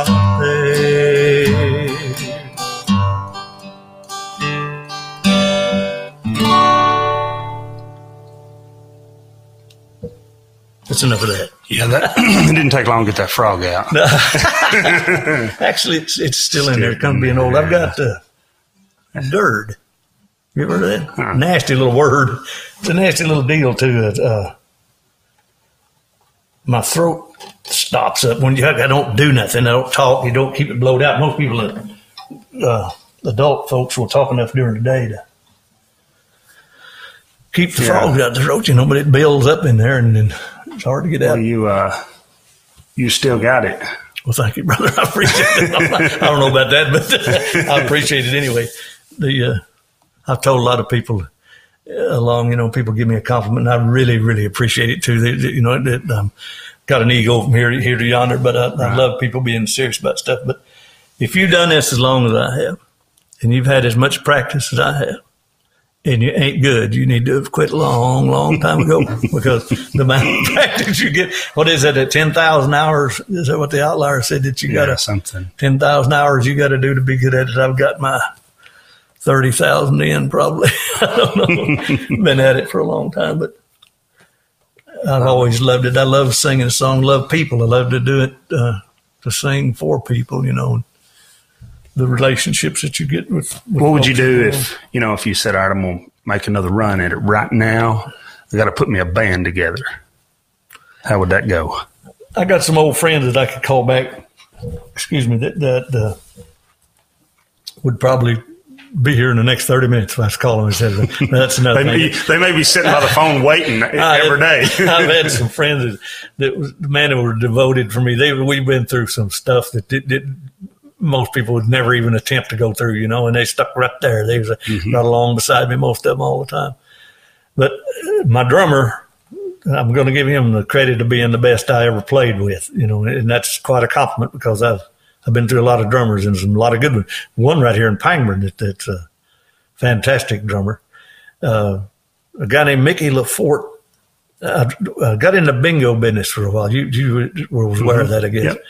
And uh, had this big bingo game going in Cabot, Arkansas. And there was this very nice young lady from Boston that had a very thick Boston accent come up to me. And we, we used to take, uh, during break time, we'd stop and do a song or two, you know, for the bingo players and whatnot. But uh, she came up to me one time and said, You need to get my son up here to play with you. Said, He's a drummer. Well, I'm associating this nice little lady with her son, which is wants she wants him to come to a bingo game to play drums. I'm, I'm building the image of this guy in my head. You know, that just ain't to work. And I done everything in my, in the, that I possibly could to talk her out of that. And, but she kept pounding me. And uh, eventually I thought, well, I'm going to try it. And I was going to, uh, uh, what's his brothers' name from Newport? I was doing a, a four song uh, tape for something. I don't remember what that was all about. But I, I just, it was just a throw together. Was, mm-hmm. We were just going to throw this thing together. I'm, I have no idea what it was even for. But I thought there's a good chance for me to get out of this. I can, I can get him to come and play, and then if he fails, I can say, well, you know, you're not, you can't do what mm-hmm. I want him to do. So I call call her up and tell her, I said, uh, if he wants to come, tell him to come on up. Well, he comes in, he's a little short baldy He did about, he looked to me about 40. He was in his late 20s, actually, but he didn't have no hair anymore. His hair was all gone. About a four or five day beard. And when he opened his mouth and spoke, it's pure Boston. Where'd you pack? You know, where'd you pack the car? Packed it in the eye. And uh, I thought, good Lord. And he was going to do country, you know. So we come to the studio and get in there and, and uh, take him back. He goes back to the drummer's booth back in the back of the building, the little closed in deal like they do the, the drums and get in there and there's electronic drums in the studio. He said, I ain't never seen none of these. And I was all, oh, good Lord, this is really going to work out good here. You know, so I go back up in front with the engineer and I'm sitting up in there talking about this. Well, he had the microphone on, on or microphones on in the drummer's booth and all over mm-hmm. the place. Actually, it turned out. Well, I get to hearing these runs on these drums. It's on the electronic drums. Oh yeah, he's just walking them all over the place. You know, you know this that guy might actually can play. Well, we get in there and uh, we did a, a, a Johnny B. Goode was one of the songs and then we just dropped the bottom out of it and did some really, really slow song where it's just all nearly vocal and hardly have any music to it at all.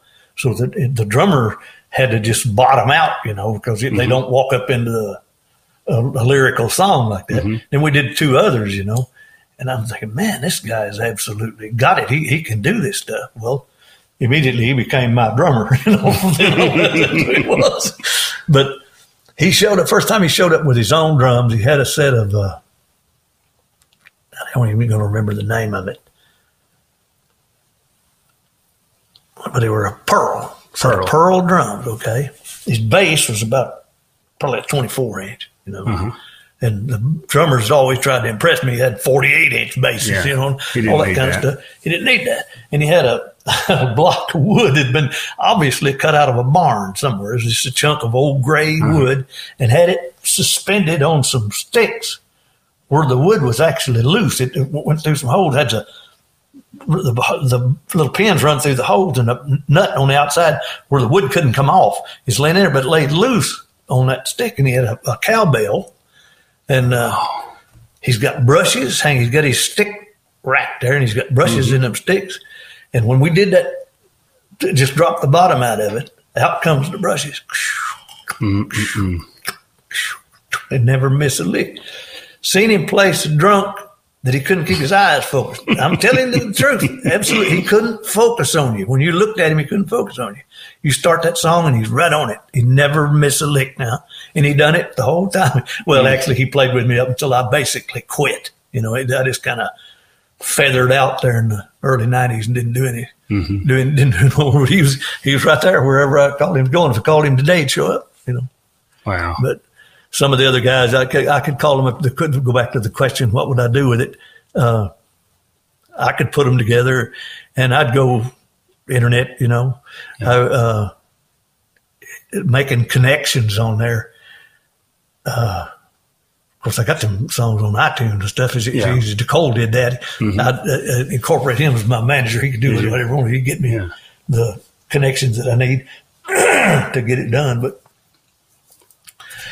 I don't I don't have that inspiration anymore. I can't I can't get fired up. I tried, you know, I tried yeah. to get and then the actual doing it comes, and I get that uh, there's some really bad downtimes to that like, business. This too. is work. Yeah, I've been bragging on my musicians all the time through this, but uh, good lord, there's some some they ain't never got no cigarettes, and they all smoke always. You know, you got no beer money. Never never got into that stuff you get a call, you, get ready to play. If you like, you got a Tuesday night gig or something, you know, and it's an important gig. You got to get it done. You get a call about four o'clock in the evening on Tuesday. Man, ain't gonna be able to show up. Susie called me at Linda last night, and I'm gonna have to quit. you know, and it, it, it's all the time. One of them's doing something, you know, you got to go Yeah. get, well, I'm in jail, man. If you get me out, I'll be there. Now you, that's how they're going to get out of jail. so you go bail them out. Well, you got to, cause you can't just, you can't just go pick up musicians right out there, especially ones that, that, that's worked with you and stuff, but went along. And actually that, that played a big part in my getting out of it too. You know, if, uh, what I'd give just to be able to walk the management side of it has got to be the worst. Well, see, that, I always did that myself too, and that, that I would never do that again. You know, I'd turn it over to somebody else, and If if he needs to be bailed out, right, I'm, you, don't, you take care of figure you it don't- out. You don't worry about somebody. it. We'd Yeah. we'd establish a fund for. Well, it can take the art out of it, can it? The, the, I mean, being able to write and perform and, and have good stuff where you're spending Yeah, your time you- doing you- that. You can't. The business end of it kept me busy all the time, and I never could enjoy really the things everybody else did when you go to musicians all get drunk, party, and have a big time. I can't do that. I'm my head's business all the time. I'm thinking, you know, we got to we got to move from this to the next whatever it is, and uh, you got to be ready to do that. You know, And, That's uh, got to be a big reason why you made it to where you did because of having that. I never that let it out of my hands. I kept it going all the time, and uh, uh, never would get drunk enough. I was exposed to every kind of dope and uh, alcohol there is under the sun, and drink enough to float Arkansas off. You know, but when it come time to at the end of the night, when it come time for me to do my business, I was just I was there. and never let it get me. You know, it never never ever got a hold of me. I have played in some easy circumstances one time where my knees actually buckled during the show. now that's not that's not good. That was along toward the, the end of what I was doing there too, and uh, I'm not proud of that at all. But it, they actually did. We were doing a six hour gig, and this cowboy come in and said, uh, "He said, what do you drink?" And I said, "Well, I've got a had a double shot of tequila here," and uh, he just took off. You know. Well, in about two minutes, here comes a waitress across the floor with a tray four feet across, and it was covered with double shots of tequila and lemons all sticking in there. You know, he just shoved that up on the bandstand. And man buys you all that stuff, you got to drink it. And you only got what six hours to That's do. right. It ain't it ain't right to leave it. And he didn't quit. He just kept sending them. You know, he, he- Yeah. about an hour later, here come another one. And uh, that night, before that was all over with, I, I do remember distinctly remember my knee going down. You know, I mean, trying to hold in there. And the way I did, I never had a cue book. Never had nothing. When I walked up on that stage and started, it was strictly me. I have done everything right out of my head. Never looked at anything. Never read anything. So you didn't you didn't write out a set No, list. no, never Luke, did. Luke Williams talked last week. He that's what he likes Well, most most of them do. It, it actually it would probably be a better thing to do. Everything come out of me was totally spontaneous. No, he Like- said he don't use a set list "Oh, most he, of the time. yeah. Well, if he don't, that's you know Yeah. that, that's the best thing. 'Cause I rode the flow of the crowd, whatever they was doing, you know, and I thought, well, this is the one to do here, you know, and you, and you just I just rolled it right along there and could go. Well, I've done six hours and never repeat. Go six straight hours, and uh, band members maybe sing 10, 12 songs out the whole night, you know. I don't know this, but if you're not good enough to do that, you probably don't want to be on a stage. Well, that's probably true. Maybe yeah. I'm, I don't know. Yeah. Maybe well, I don't know. I heard some really good entertainers do, but you, the crowd, I had, good Lord bless me with the uh, ability to connect, you know, with people and the human side of me. It was, Mm-hmm. I, I could put that out there real easy and people just grab it. When, when Yeah. you stick yourself out there, 99.9% Yes. of people will just eat it up. They'll Yes. just, just go and get it. And that's what I always tried to be when I was on stage, just be me, you know, just go up there and, and do it and throw myself out there at them. Mm-hmm. They went with it. that's what I say. Just like with this podcast, where you know, if you can know not only the the songwriter, but a particular song. What's the story behind that song? Well, it came, you know, Yeah. came this way. I remember one time Merle Haggard. Uh, there's some video of him, and he's uh, about to play this song, and he goes, "This next song." Came to me by way of a good friend of mine, Sonny Throckmorton. He said, "Sonny Throckmorton's here right now. If you would stand up, Sonny." Yeah.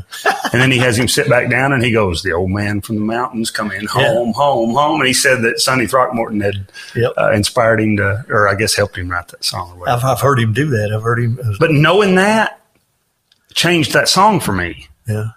You know what I mean? It had, I Yeah. mean, that song was just a song and, and it, was good. But once I knew that, Realized what it- it's like that where it came song, it, it means more now. Yeah. Some songs will tell you themselves that, you know, you can, you can just hear the song, hear where it come from. But like you said, there are some that have to be, that have, you, you have to give them root when you start with unit where they mm-hmm. know what the feeling is. Once you get it, you're gone. Yeah. I'm a, I'm a avid supporter of good country music, man. I love it, you know, and I, I, I love to see good, uh, young entertainers get up and actually do it and, and, Yeah. and make it at it. I've got a nephew right here in Pangburn that's as good as you, you'll hear anywhere. Kelly, did you ever hear him sing? Yes. Kelly yeah, I have. Yeah. What was the name of his band? Uh, It's not- mm, but yeah, I have. I have heard them he, play. he, he played all local boys. All his band was. was Now, I got to ask you this, Jackie. What you, what kin are you and Jackie? Jackie is what most people call my second cousin. Actually, he's the first cousin once removed. His daddy was my, his Jackie's grandfather was my dad's brother. Okay, okay, That- gotcha. Maybe that'll explain. Now, have you guys ever played on stage together? Oh yeah, You have. Okay. I'd forgotten about that. Era Jack played with me for. He's a we neat guy, man. He is a He is neat. too. He is a he is a neat man. He's a he's a he's a talented dude He too. sure he, he does all kinds of stuff. He played the Fourth of July here in Pangburn this this uh, last Yeah, year. he- I, went out there and watched him play for a while. he's uh, he's good as they come. He, Yeah. uh, I remember he's talking about that old VFW club over in Searcy when Jackie was just a kid. He he's probably sixteen or something. We were playing out there, and I think that's when I was playing with old Ra- Raymond Myers and that bunch. But I guess it just about had to be in. But Jackie come out there, and he always tried to play piano, you know. Well, they had an old piano set up on that bandstand. Now this is a VFW club in Searcy, three buildings ago. There used to be there, there used to be uh, the first old building was an old green siding coated building. It was right up next to the road there, right up next to CW Road, mm-hmm. and there was a, uh, a little old driveway went around uh, where the, the old driveway finally expanded from. Went around into that little building, and there was a trail that come up by the mailbox and went right across the, the road.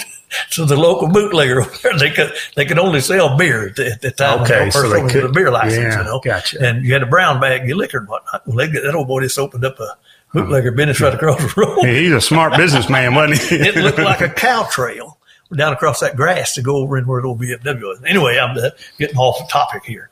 Jackie come in there one night and was playing with us. He's sitting there on the piano just flailing the devil out of it. Well, all the band members set their beers up on top, and whoever else happened to come by had their beer cans and bottles and whatnot sitting up on top of that piano. I remember was playing and the beer bottles dancing and falling off the end in the floor. that was that was something else, man. Tell you, we had a time back then. But yeah, Jack and I, we did uh, we did uh, KM's. Uh, no. Anyway, the radio station in Augusta, we did a show over there for a while for the radio Really? station, you know. And Jackie still got some of those old. So that's what I was going to ask. Does anybody have audio of that? Uh, I think he, Oh, I bet he I think he still got it. And that, oh, pitiful man! You just said now that was that was some caterwauling, if ever there was. I did uh, sung back up behind. I've always wondered that if y'all had played together. I thought they bound to have. How could they have Oh, not? Yeah, yeah. What Jackie and I played. We were best friends, not being cousins too, but being, he and I were best friends all our lives too. Uh, Beverly Hayes. You ever heard that name? Uh, younger girl, No, she's she's an older lady. She's- Beverly. Yeah, yeah, yeah. Uh, You probably know her. I, I do know. her. Yep, Yeah. I know. I'm pretty sure I do know her. she sang with us at that old radio station show, and she did in the ghetto. I think I'm thinking it was her did it. Jackie could tell you, but anyway, I sung back up to "In the Ghetto" by Elvis. Went right after that song first got out. I never heard such a pitiful mess in all my. all my That- hey, that's not an easy one to sing anyway, right? no, it's not. Jackie and I laughed about that so much, man. That, that's, Wow. Those were the good old days. We was Hennessy. We was playing the radio stations, all that. And we- we- I got to see if he can get me some audio. I'd like to hear some of that stuff. get him up here one of these days. Just, just I'm gonna pause this recording. 15 years old or 16, maybe something like that. Of course, that, that, that could be wrong. He could have been older than that. But he got up on that stage and Lord have mercy, he just, just awful. You know, this is pitiful. And I told him, I took a break and I said, son, I ain't never told nobody, nobody this before. And I said, you keep up what you're doing. But I'm gonna have to ask you to get down. You know, you can't you can't do this no more. Got mad at me, got earnestly mad at me, and uh, I didn't see him again for three, four years. When we come back and was doing a gig at that uh, what used to be a, a Mexican restaurant down there now. That ain't what it was then, but uh, Um, anyway, you know where uh, like Los Montanos, Los Montanos, It- but it was yeah. yeah, yeah. I know They had talking a about. I don't know what it was called then. yeah, We got in there, we was doing a show one time. He come in there, and uh, somebody come up told us said uh, a guy named Greg Spradlin back there. I won't know if you if he could sit in. And uh, I said, Greg Spradlin, I've heard that name before somewhere, you know. And I don't I don't remember Joe how much time had elapsed between when he did that and all that. And he would come in there and he shook my hand. He told me what his name was. And he said. We're gonna try this again. He said the first time I did this, you run me off the stage. it made you feel really He said, good. I was mad at you for a long time over it. And he said, now I understand why you did, you know. He got up there and you talk about putting on a show with that guitar. Good Lord of mercy. He'd play it over by, between his legs. He just doing everything in the world with that guitar. And he asked me at the end, he said, Can I play it now? I said, You absolutely can. So you can sit in with my band anytime you want to. But he, uh, Greg got a story. He's, he's, he wouldn't made it, you know, kind of. Yeah, he, he He's- I didn't. I mean, I just in the last year have found him. I found him online on YouTube. He, is he still in L.A.? Um, I don't know. He's not in Pangburn. I just know that. Well, he, he left here. He was in. Uh, I read about him in uh, Billboard. He tells that story. I think I read that same article. He tells that story about playing all these local Yeah. places out through here.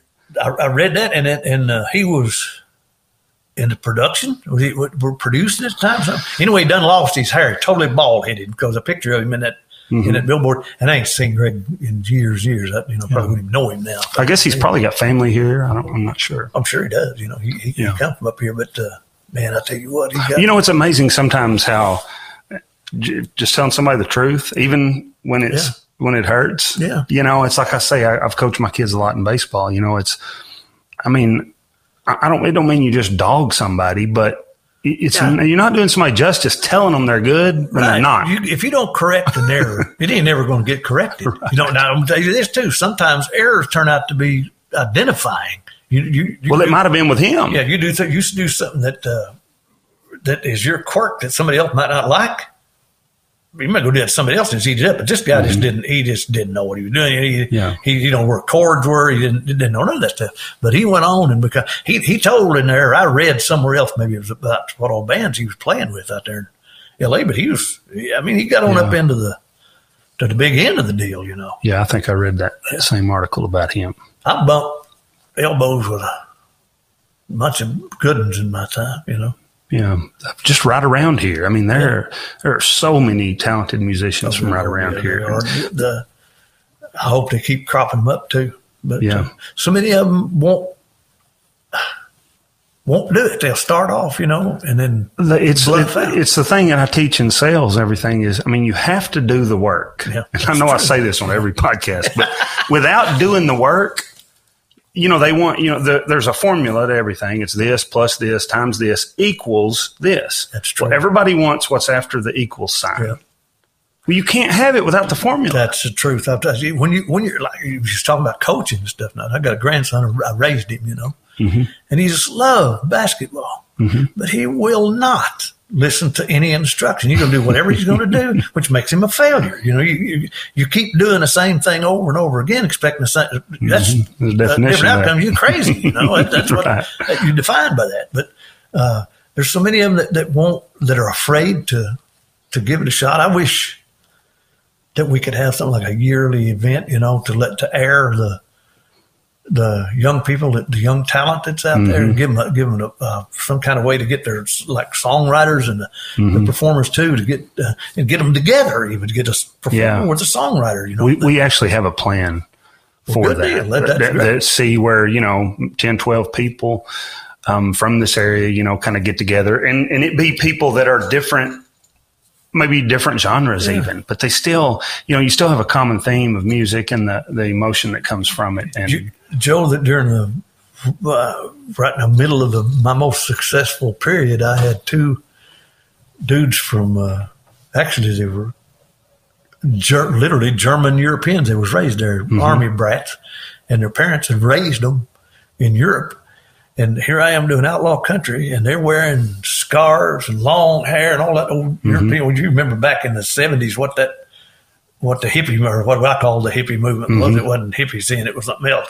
But uh, the way they dressed, and they dressed and played it, and they had them incorporated into my band, and that we were putting out a sound you couldn't get that anywhere else, and it just it wasn't out there. You know, Right. we had the only one of them, and uh, that's that sells. You know, when Yeah. you get that mixture. So mixing bananas with peaches, sometimes you come up with But when you, you know, that thing about doing the work, it's like just because you have a good song and you post it up on YouTube, I mean, you might get lucky. We may have some mail here. cool. What radio show gets a during the broadcast too. That's the thing. Have you give me a sign out there that says on air? Get you a big Yeah, uh, yeah, big light. Rottweiler and put up there. saying, But but what I was going to say is doing the work is so many different things. It's you got to go play. You know what I mean? You got to go play the gigs, but you've got to post it and you've got to post it again and you got to take more video. I followed this Tyler Childers and that's what he's done. I mean, a lot of what he's done, he didn't get paid for. I mean, if he puts Well, a that- video up, he's not getting paid for it. It's just people finding out who they are and knowing their music. Then you can decide if you like True. it. It's called paying your dues. It used to be they don't use that term anymore, but uh, used to it was called paying your dues. You had to get out Mm-hmm. and beat the trenches like I did with that old '67 highway business, you know, out there. Yeah. I played for. It wouldn't be two drunks sitting in there, you know, and, and you just play anyway. You do the very best Yeah. you can. Well, eventually, as time goes on, you know, and you begin to grow and get better and better and better. For mm-hmm. pretty soon, your audiences are becoming different. You're getting Recognized. Yeah, you're beginning to just go, hey, I know that guy. I heard him play so and so, you mm-hmm. know, and you, and you come out, and first thing you know, you're in Downville, Louisiana, and there's 160,000 eyeballs out there. Mm-hmm. So it's, uh, Well, and now see when someone gets it or they hear it. I mean, I can't tell you how many times I've sent Cole or my friend Aaron, whoever, a, a link. I just forward it to them in a text message. Hey, you got to you got to check this song out. It's really cool. You know, and I mean that starts to if it's really good, if it's good, that starts to multiply. Sure. But to get that ball rolling, you've got to get out there and you got to keep putting it out there and well, you, people got to know who he is, you know, or her. You got, you got to, they got to be identifiable enough when you get there. You don't have to go walk, drive them down the street looking for a number on a mailbox. You got to know who it is you're hunting, you know? Mm-hmm. That's exactly And, right. uh, it's tough old business to crack into, and the, the head is tougher to crack into than the business is because getting people to motivate. See, I was motivated all my life. I mean, I was in it from the get go, and I wanted to do this. This was the mountain I wanted to climb all the time. Well, some people might not have the mountain, and I truly don't know if you don't if it's worth effort. You know, I don't mm-hmm. know if it just if it's you kind of want to, but no. It's like you said, you're not going to do the work. You're not going to do the grunt work it takes to get there. You know, you ain't going to play for four dollars all night or nothing. you know. Right. I played in places in the disco era. You know, they booked me into clubs. I thought you were going to say you played disco. I'm like, I don't believe you. They booked me into. T- I did this two times. As a matter of fact, I booked into disco clubs where a country band had never performed. All right, and we go in there and sit up, and start playing outlaw country. When you open the, open the show, of course, in the bigger clubs, there was never was nobody there up front to begin with. Anyway, all crowd always comes in late. Mm-hmm. But there'd be guys walk through that little foyer, come in there and stick their head around, pivot on one foot, and out the door. you got to overcome that. You got to keep playing. You don't just keep on Yeah. keeping on. Pretty soon, there's one guy you come stand and look at you a little bit. He come over sit down, you know. And some girl come up in there and she go and sit down two tables over from him. Keep looking at him, you know. And then it just keeps building and building and building. Comes out like I was telling you about that place in Nebraska. By the end of the week, she's Full. packed out, you know. And uh, So y'all played that place eight nights in a row. You said. eight eight nights in a row we played. Uh, we ended on we uh, start. Yeah, we did. We started on Sunday and ended on Sunday. Went eight gigs in a row. Now that's doing the work. I mean, that's what people don't understand. When you say you got to do the work, it doesn't mean you got to work real hard on it one night. Absolutely true. I have done uh, eight gigs a week, several weeks in a row. Hmm. I played on Sunday afternoon, Sunday night, and seven days. The six days left in between there, one one gig. And you don't sing easy. Oh no! So your voice, No. I mean, well, I've been blessed. The good Lord blessed me with all that too. Now I got one time down in uh, uh, Bastrop, Louisiana, I believe it was. They had, it booked me into a big old moose lodge down there, and I had uh, they double booked me. Do you remember a name? of A guy named Jimmy Stewart here in Searcy. Mhm. they booked him to come in. And when they saw the, the, the double booking deal, they got Jimmy to go stand in for me. And I believe this is Bastrop is where he went. And I went to uh, someplace plumb on the other side of Louisiana and was performing there. Well, they kept the talking heads kept talking in and said, Ben, you're going to show up to Moose or they're going to sue us. Said, you're going to have to make an appearance here because Jimmy was failing big time over there. and uh, I did the first two hours of the show at this one place.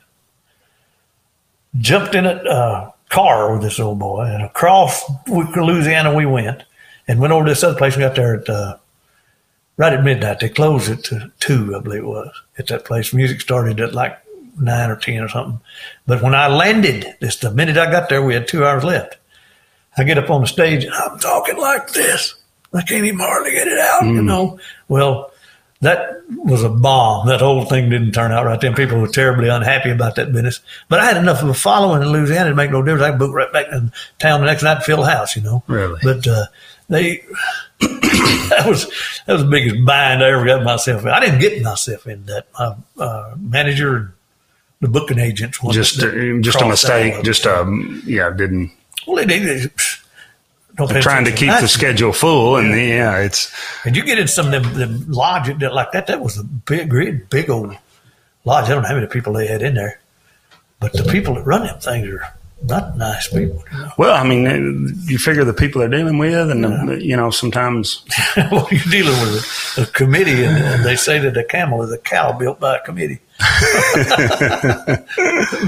I got to ask you this. So, you know, I, I, when I posted that you were going to be on, I said, you know, and some people call him the best damn small engine man that ever walked planet Earth. Amen, and brother. I, I, I, told Cole that, and I said, and you know what Cole said? What's that? Said, yeah, including himself. He said, if you don't think he's the best small engine man in the world, he said, just ask. Ask him. I'll tell you, in heartbeat, I'm the best. It was best ever.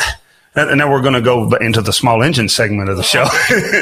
I, did you just work on him as a kid, or absolutely? I, okay. Did you, knew Orrin Taylor, mm-hmm. no doubt, because you lived right over yep. pretty close with old man Orrin Taylor. He's my uncle. He's my uh, mother's sister's husband, and uh, he tinkered around old lawnmowers all all of his life. Well, I, uh, I, I guess it's probably what set me off here. He sold me a lawnmower one time for five dollars and fifty cents.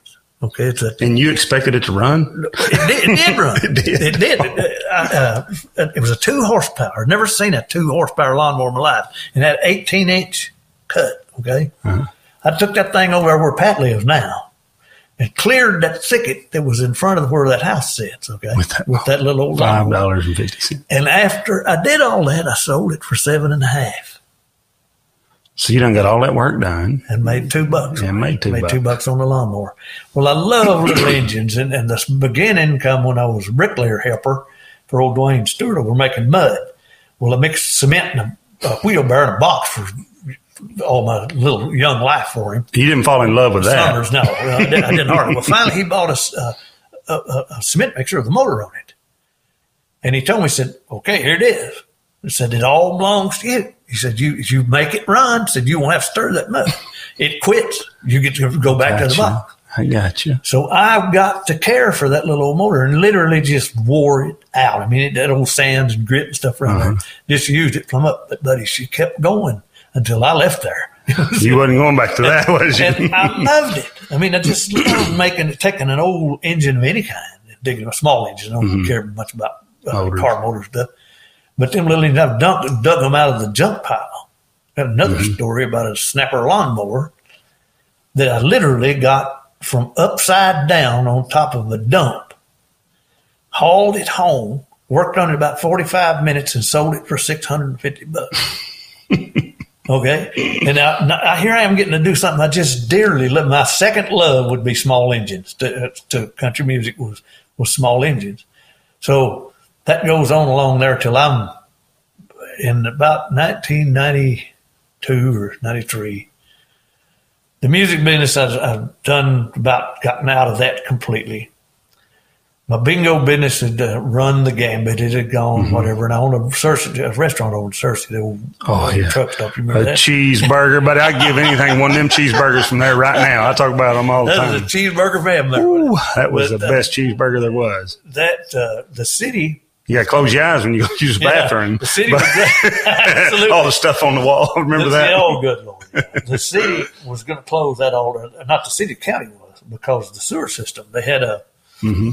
Searcy sewer wouldn't go out there, and uh, up that little town Higginson sewer wouldn't come up to where it was at. It was out in the county. Well, you, you that your crawdad mud out there. I mean, there's there ain't no nothing. Mm-hmm. Where is it at? What's there right now? I was trying to think of the other Craw- day. Just about uh, half a quarter north of Lowe's. Okay, so it's Love's right north of Love's. Yeah. Okay, On- that's, I was on, trying to uh, think of exactly where. It, Well, there's a, a garage there now. I think that's where it was. Right up close to you. You know where the highway department is out there. Mm-hmm, yeah, You go right past the highway department toward Love's, and it's about oh, past the highway. yeah, a block or Jmar, J Mar, I think. Jmar Trucking. Yeah. Is that right there? One of them's right across the road from it. Was was Yeah. right in there. But Okay. anyway, uh, during all that time, I had nothing else to do. My ex-wife was working for Sears as a I remember that. in the service Mm-hmm. Newport. department. She ran it. You know, no, she had her Oh, it own store. she, she had her own store in Yeah, Newport. but Yeah. she had gone to work as, as the service manager at the Batesville store. okay. Well, uh, me and her were talking on the phone one time, and she said, "Why don't you come up here and, and uh, hire out a contract to fix these lawnmowers for these people?" Well, I was thinking it's crazy, you know. This is kind of more or less laughed it off. And I got to think, well, why not? You know, she got to tell me how much it paid and all that kind of stuff. Well, yeah, I want. I love to do that anyway. So And the I guy doing it out- then probably wasn't fixing them and still no, getting well, paid. you know, it, it's like most people. The contractor is going to do you a better job, going to do it much, much Yes. faster. Always. Well, they had these guys, these hirelings working for them, you know, Mm-hmm. and they had a, a little deal on the wall up there where if you fix, make six contacts, you didn't have to fix nothing. But if you made 6.5 contacts a day, that's what they figured was a day's work for their technicians, their lawn and garden technicians. 1st mm-hmm. day I worked, I got 12. Okay. And it went up from there because as I caught on how the mm-hmm. paperwork methods, all that was, I took off. The most I ever done in a day was 72. The minimum take was $36 a stop. Wow. Okay. And one day I did 72. Now, and what was the stop? The, the stop was going there to do the fit. Now, you had to complete these. That's what doesn't just Yeah. You had to go in there and actually fix them. Well, out of that 72 stops, I probably had in the 50s of fixes ranging. I mean, you're, you're going out in the field. yeah, I'm traveling all over northern yard. Arkansas. Yeah, Oh, I'm going all over and fixing them right, right at your house, all over the place. Well, out of all those, uh, the cheapest thing you do was 36. If I show up in the yard, it was 36 bucks. The next one was $72. Then they jumped up to 102. And uh, they had another one, but I think that was the top. 102 may have been the top. That may have been the top that they paid out for any stop. Well, you never did know what you was going to do when you got there, you know. Mm-hmm. Of course, some of you did because you, you go out, find out what's wrong with you. You had to make two trips to It do was it. a common theme was what was wrong with most Yeah, of them, and, right? uh, Lord, I got in there raking up money by the handfuls, you know, doing Mm-hmm. that stuff, and still doing what I, I love to do. Had an old luxury van that I'd had for in the bingo business. I remember that thing. I used it. The, all them guys driving them company vans told me, said, "You that, that thing won't hold up a month," you know. And when I was still driving it, when they had all, seen you wear a vehicle out yet, have they?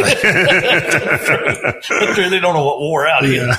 But uh, uh, they had all, when I left there, they'd all got new rigs. They'd all done wore theirs out and, got, and got new ones. And I'm still driving that old Chevy. Luxury van. But I kept that up, went down and uh, Searcy. Of course, you know about that shop business and finished out up until I retired down there. Yeah. And, uh, but always just absolutely loved that till Small engines. Yeah. work on jet engines. I'm a jet engine repairman too. Really? Absolutely. Fella come into that shop over there one time and he looked, looked like he carried a big old suitcases about three feet long and about, oh, 10 inches wide and stood up about two feet, mm-hmm. you know. And he come lugging that up here and said, Can you fix this? I said, I don't know. What is it? he said, It's a jet engine. I said, No, I'm afraid you come to the wrong place. He said, Well, I got the book. He said, It can't be that much to it. So I've got the book, you know, tell you whatever it is. Well, I didn't. I never heard of a pulse jet. Do you know what a pulse jet is? No. It's a very simple device. I mean, it's literally nothing to them. The carburetor is like a weed eater carburetor, little bitty, little bitty carburetor on there, and uh, it's got a drip system where the gas feeds down in there just like it does on anything else, you know. And Yeah. the throttle regulates how much gas goes down through there. Well, down in the chamber below, there's a cone shaped deal below it.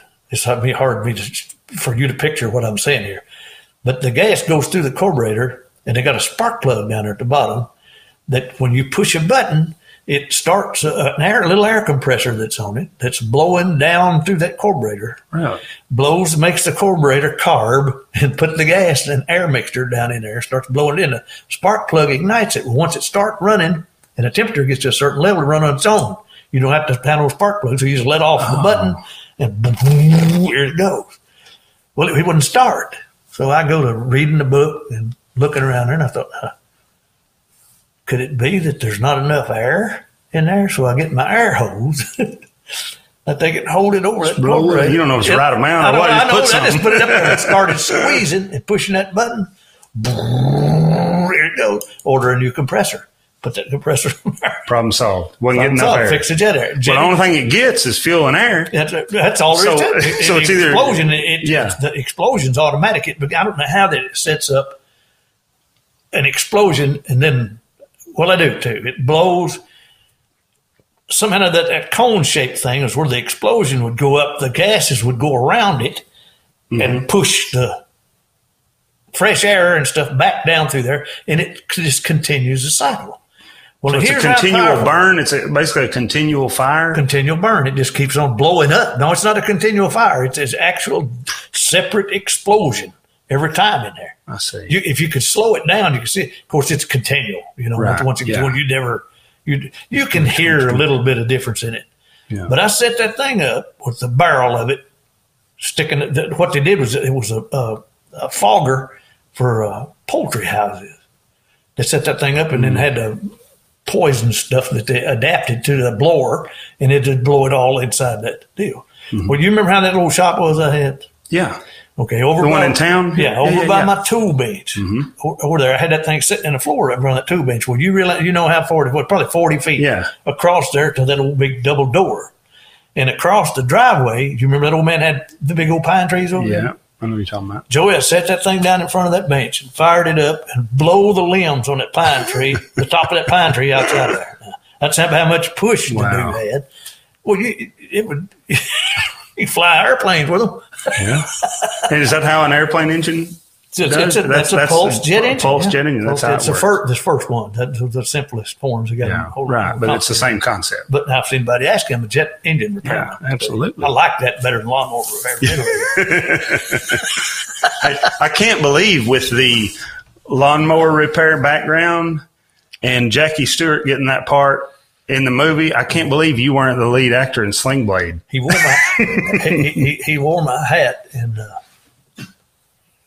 Three for the Road. Three for the road. I think well, that's my hat he's got. on. Smell like somebody shit a Christmas tree in here. Do you remember I remember. it. that that old hat, man? Had been some miles. It had been around all over the place. He come down there and asked me. He said, "I wear the hat." You bet you go for it, man. I didn't make movie stardom, but my hat did. So, I mean, Yeah, that uh, that, that was a three or Sling Blade was a good movie. Oh well, that was a really su- outstanding super movie. duper good movie, man. Yeah. But, uh, uh, old Jamie was in there. That was Yep, Jamie. Yeah, before he passed away, man. Yeah. That was sad. Scott Denny. Scott Denny talked about Jamie a lot. How good of a musician he was. Yeah, I never did really get to hear him him play uh, uh, during that time when when Jamie was gone. I don't know where I was at. I was scattered. Just several years Yeah. of my life is just blank. Yeah. you know, you get Well, what about? Tell me about horse racing. I remember going to the horse track, and I remember eating seafood when we come back. I remember that. I don't know where that place was we ate, but they had good seafood. Where was that place? Oaklawn Park. No, where we would eat seafood on the way Oh. back, or somewhere we'd stop oh, and eat. Jane's Kitchen in, in Cabot, Was that where it was? Yeah. I was thinking it was somewhere. little place in, in uh, It have crab legs. Oh yeah, yeah, that's where it was. Man, yeah, yeah, was- yeah. Right. Wait a minute. We do. I did two. We did the APs in Jacksonville, two or apps or whatever. Apps. I mean, it wasn't apps because I remember that. I remember It that. was you James Kitchen. Boy, they had that. They put all the crab legs Yeah, you could get out there. And good I- stuff. It was dirt cheap at the time too. Yeah. that was that was something else. Joshua won a science fair thing at school Yeah. with a diagram of a horse race that I had given him, showed him how to draw it with the the times of a horse at the at the gate and at the quarter and all that kind of stuff, and, and Mm-hmm. drew an actual uh, what, would you call that? It was a uh, a chart, a speed chart of who should win the Arkansas Derby that year. Okay, he was in it was at long at about that time of year, so I drew him out this chart and uh, set that up. Well, he won that science fair with that chart I think I remember that. and the horse that I had picked for the Derby won it. Now, now, didn't you have a formula? Oh, good lord! Yeah, No, I mean- everybody's got a formula to pick horses. But uh, I, it it worked. I did I did really really good with it for a long time. But you always keep trying to improve on anything you do. You always want to get better, and I kept on getting better at horse racing until I plumb forgot how, how to do it. Literally, I don't even know yeah, anymore. I've tried it and it won't work no more. There were some times that I could pick them scarily. and was it just was it based on? It was just based on data, right? Yeah, Yeah, I mean, just based on what had already happened. absolutely. You get a racing form, and they give you the uh, last ten races of each horse and the performances and what they did in, in those races. You know, Now the tracks, they don't like this, right? no, they don't, don't like it. Well, actually, to, to the track, it don't really matter all that much unless you get to the point where you it, you you betting so much, which I never do anyway. Yeah. but you're betting so much as to affect the odds so that uh, you ruin the play for the other players. And I've seen that happen literally because rich folks millionaires, They had a thing called in. a pick six that uh, uh, paid really, really good. There was one time I missed it by about, oh, you'd have to see the replay see how close I come to getting it. And the carryover for that day for that race was $167,000. Well, that would have been plus whatever was taken in that day too that went in with it. And in that final race of the day, I had an old horse called Lopaka. I won't ever forget this all my life. Donnie Howard was riding him, front running horse. He always come out of the gate first and stayed there if he won, you know. Well, the favorite in the race was a horse called Be an Agent. And the second favorite was Salute the Crew.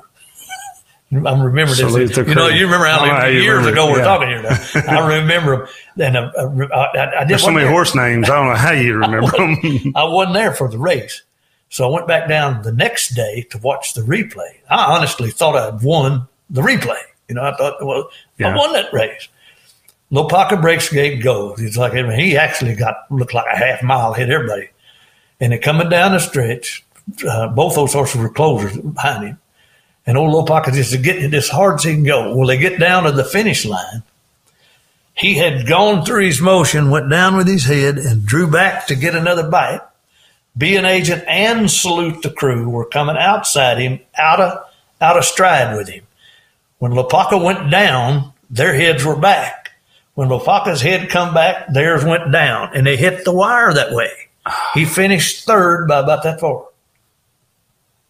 You, 'cause- you- you had yeah. get, the, you look at the photo, and you're looking across one horse's nose through the hair at the horse next to him. But be agent, salute the crew, just almost dead uh-huh. heated, just about that far in front of Lopaka. But it come be agent, salute the crew, and Lopaka. Yeah. And I, How much money would you have won? I would have had the only ticket because Lopaka, was, I think, was thirty to one that day, and it would have been well over a quarter million bucks. So, I mean, my heart uh, Comes that close? watching the watching the replay, just just oh, it, it- the hair was just sticking out Yeah. all over me, you know. But uh, those days are gone. I don't play horses anymore. Well, Yeah. well, sometimes I do, but it was a lot of fun when it was going on. Biggest ticket I ever cashed was right close to seventeen thousand dollars. So That's a pretty good one. I ain't knock it. That was good. Horse racing is such a big. I don't. I don't know hardly anything about the business, but I just know that it's a big. It's a big deal. Big Uh, those animals are incredible. Yeah. You know, I just love them. Love watching them. You know, they're Yeah.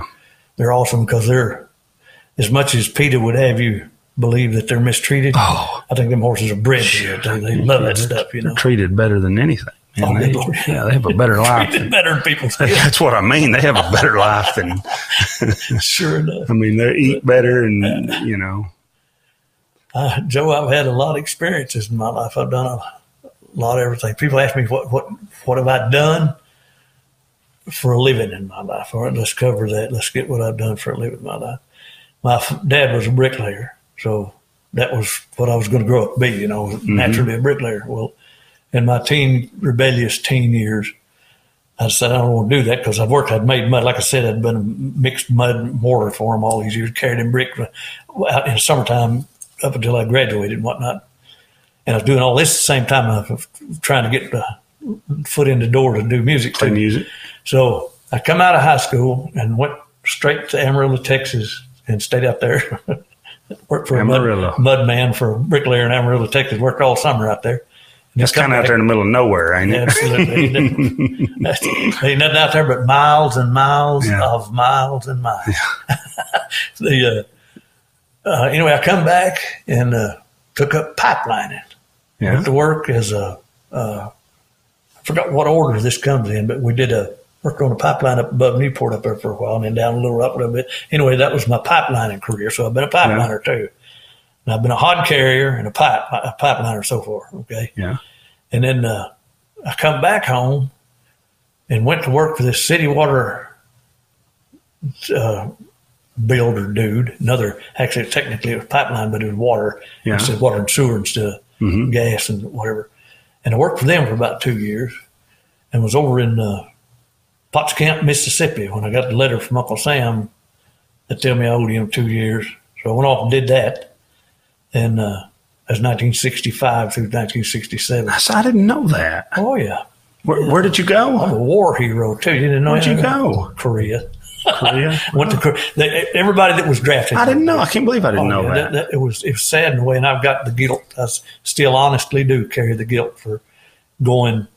Everybody that was trained and, went in there. I went in. I bet I was drafted in the biggest draft month draft that this country's ever had in June Mm-hmm. of 1965.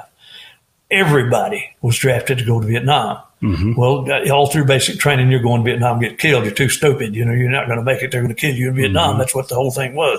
Well, when I went, uh, flew out of there and I went to a radio relay and carrier school in Fort, uh, or Augusta, Georgia, uh, Fort Gordon, and was out there for went to school there for three months. Anyway, they put me to Repo Depot in uh, San Francisco. Excuse me. And I, I'm just waiting orders to go to Vietnam. You know, everybody else every day they'd come out and you got to Yeah. call off the names of orders. Well, when they come down with mine at noon one day, and went and got an formation to Korea. Okay, so I went and spent a year in Korea, as opposed to all them guys that was going to Vietnam and you had Yeah. good friends that died there. You know, they Yeah. a bunch of pitiful things. I don't even want to get into it. Yeah.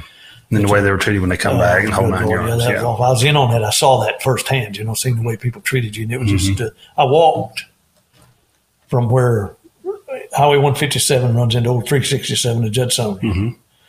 Walked up 157 toward Providence, where I lived. I don't know how many people who knew me drove right by. I was in uniform, carrying my duffel bag, walking down that road. People I didn't know a beautiful woman I love to all through eternity. Ella Hart was what her name was. It's become Ella. Byersdorf. Stopped and picked me up and hauled me on up home, you know. But the rest of them I've seen. Now, is Ella, do they call her Eller? Eller, yeah. That's my Renee Hobbs. Yeah. Did you know the Hobbs? Yeah. She was, Renee is my brother's wife. she was the mother to those Hobbs. Yeah. She was a Hobbs at one time herself. Right. Yeah, that's uh my, I guess it's Renee's aunt, Yeah. I guess. Eller. I just remember everybody she, Eller, she yeah. used to buy and sell stuff. She'd have these Oh, stores. Yeah, she Yeah. was around, but Yeah, I knew her. She's a she's a nice she lady. was a yeah. super great lady. She picked me up. We had a little talk about those people that were passing me up. She actually actually went by me, come turn around when she seen who it was, turn around, come back, pick me up, and uh, carried me on home. But uh, You know, it's amazing how, I mean, it's like you want to ask people, are you stupid? Because even if you disagree, which it's okay to agree or disagree with Right. it, but even if you disagree, this person didn't have a choice. That's it didn't exactly matter right. if this person agreed or disagreed. He did his duty, and Really? you, so what that you don't like what the duty what the was? duty was. That's true. Yeah, I mean, you know, you you you can't. He he's not the the politician or the whatever. You know, it's I always thought myself as big a patriot as there is. You know, I love my country, and when when I got that letter, I didn't want that letter. I didn't want to go to Mm-hmm. army nowhere. You know, but this is what you do. You know, Uncle Sam called you, you Mm-hmm. go, and you go and you do the very best that you can, and and. Uh, Thank goodness it come out pretty good for me. I went in there and stayed two Mm-hmm. years to come out in E five, which is not even you can't even do that. I in the didn't know that. And uh, but I went on after that, and all that garbage went on about the way they treated them, them boys. But uh, Mm-hmm. from that, I went to uh, I went to work as a silo builder, building hog houses and Hmm. silos. And were you familiar with the old yellow silo on Highway 36 going out of Searcy? Uh, yeah. The feet high at the Uh-huh. time. That's what we were building. We were building in Texas, Wasn't no easy work. Washington, Georgia, all over. Iowa. We went all over building things. And uh, did that for a couple of years. Then come back here and went to work back laying brick again. That's when I actually took off laying brick myself. Mm-hmm.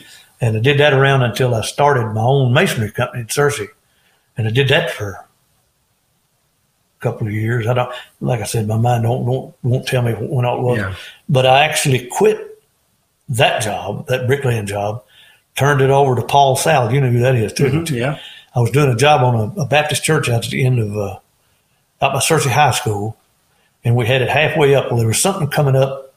That would have been in 1974, I think, right around in there sometime. I told Paul, I said, if you want this job, you can have it. You can have the money that's in it, all this stuff. Just finish it, you know. Well, I went and talked to the guy that had the job, and he said that's fine with me. You know, I was going to get into business. I was going to go do music for a living. He said I totally understand, and I support you 100. percent This old uh, Tuffy Yarbrough, you heard that name? Mm-hmm. He had a car lot in Searcy and was a businessman. I got some stories to tell about that Jasper too. I ain't gonna call no names, but there was some things went on. Somebody went to jail and to keep somebody else from going. I know. It went on, yeah. They uh, So that was. So That was the brick. beginning. The brick was like, all right, I'm. I'm done. You know, This work is way too hard. that's, uh, I threw it down and Yeah, that's some you know. tough And work it right actually, there. It, it, you know, it was a, that was a good trade. Yeah, oh, it was a good trade and made money at it. You know, but it is hard work. make a good living. It is too. Kid you. Mm-hmm. All everybody, all the bricklayers I know, every one of them, as they got older, those are still alive, their back's gone. You know, except me. I made it through it with my Mm-hmm. Yeah. back, and uh, It's tough. that's amazing. But anyway, I come out of that, and then it, that's when I started the music, full time music But business. Did that for I don't even remember how long, and then came back and started mingling around doing other stuff and music at the same Yeah. time, you know, and whatnot. So you just about got all my acorns in the pile right Yeah. there. You just know Let's pick some songs. Can we turn this off? You want to play? Joey, I think I'm gonna have to turn you down. Are you? Uh, Yeah, I've, I've got to go. My wife, I've actually.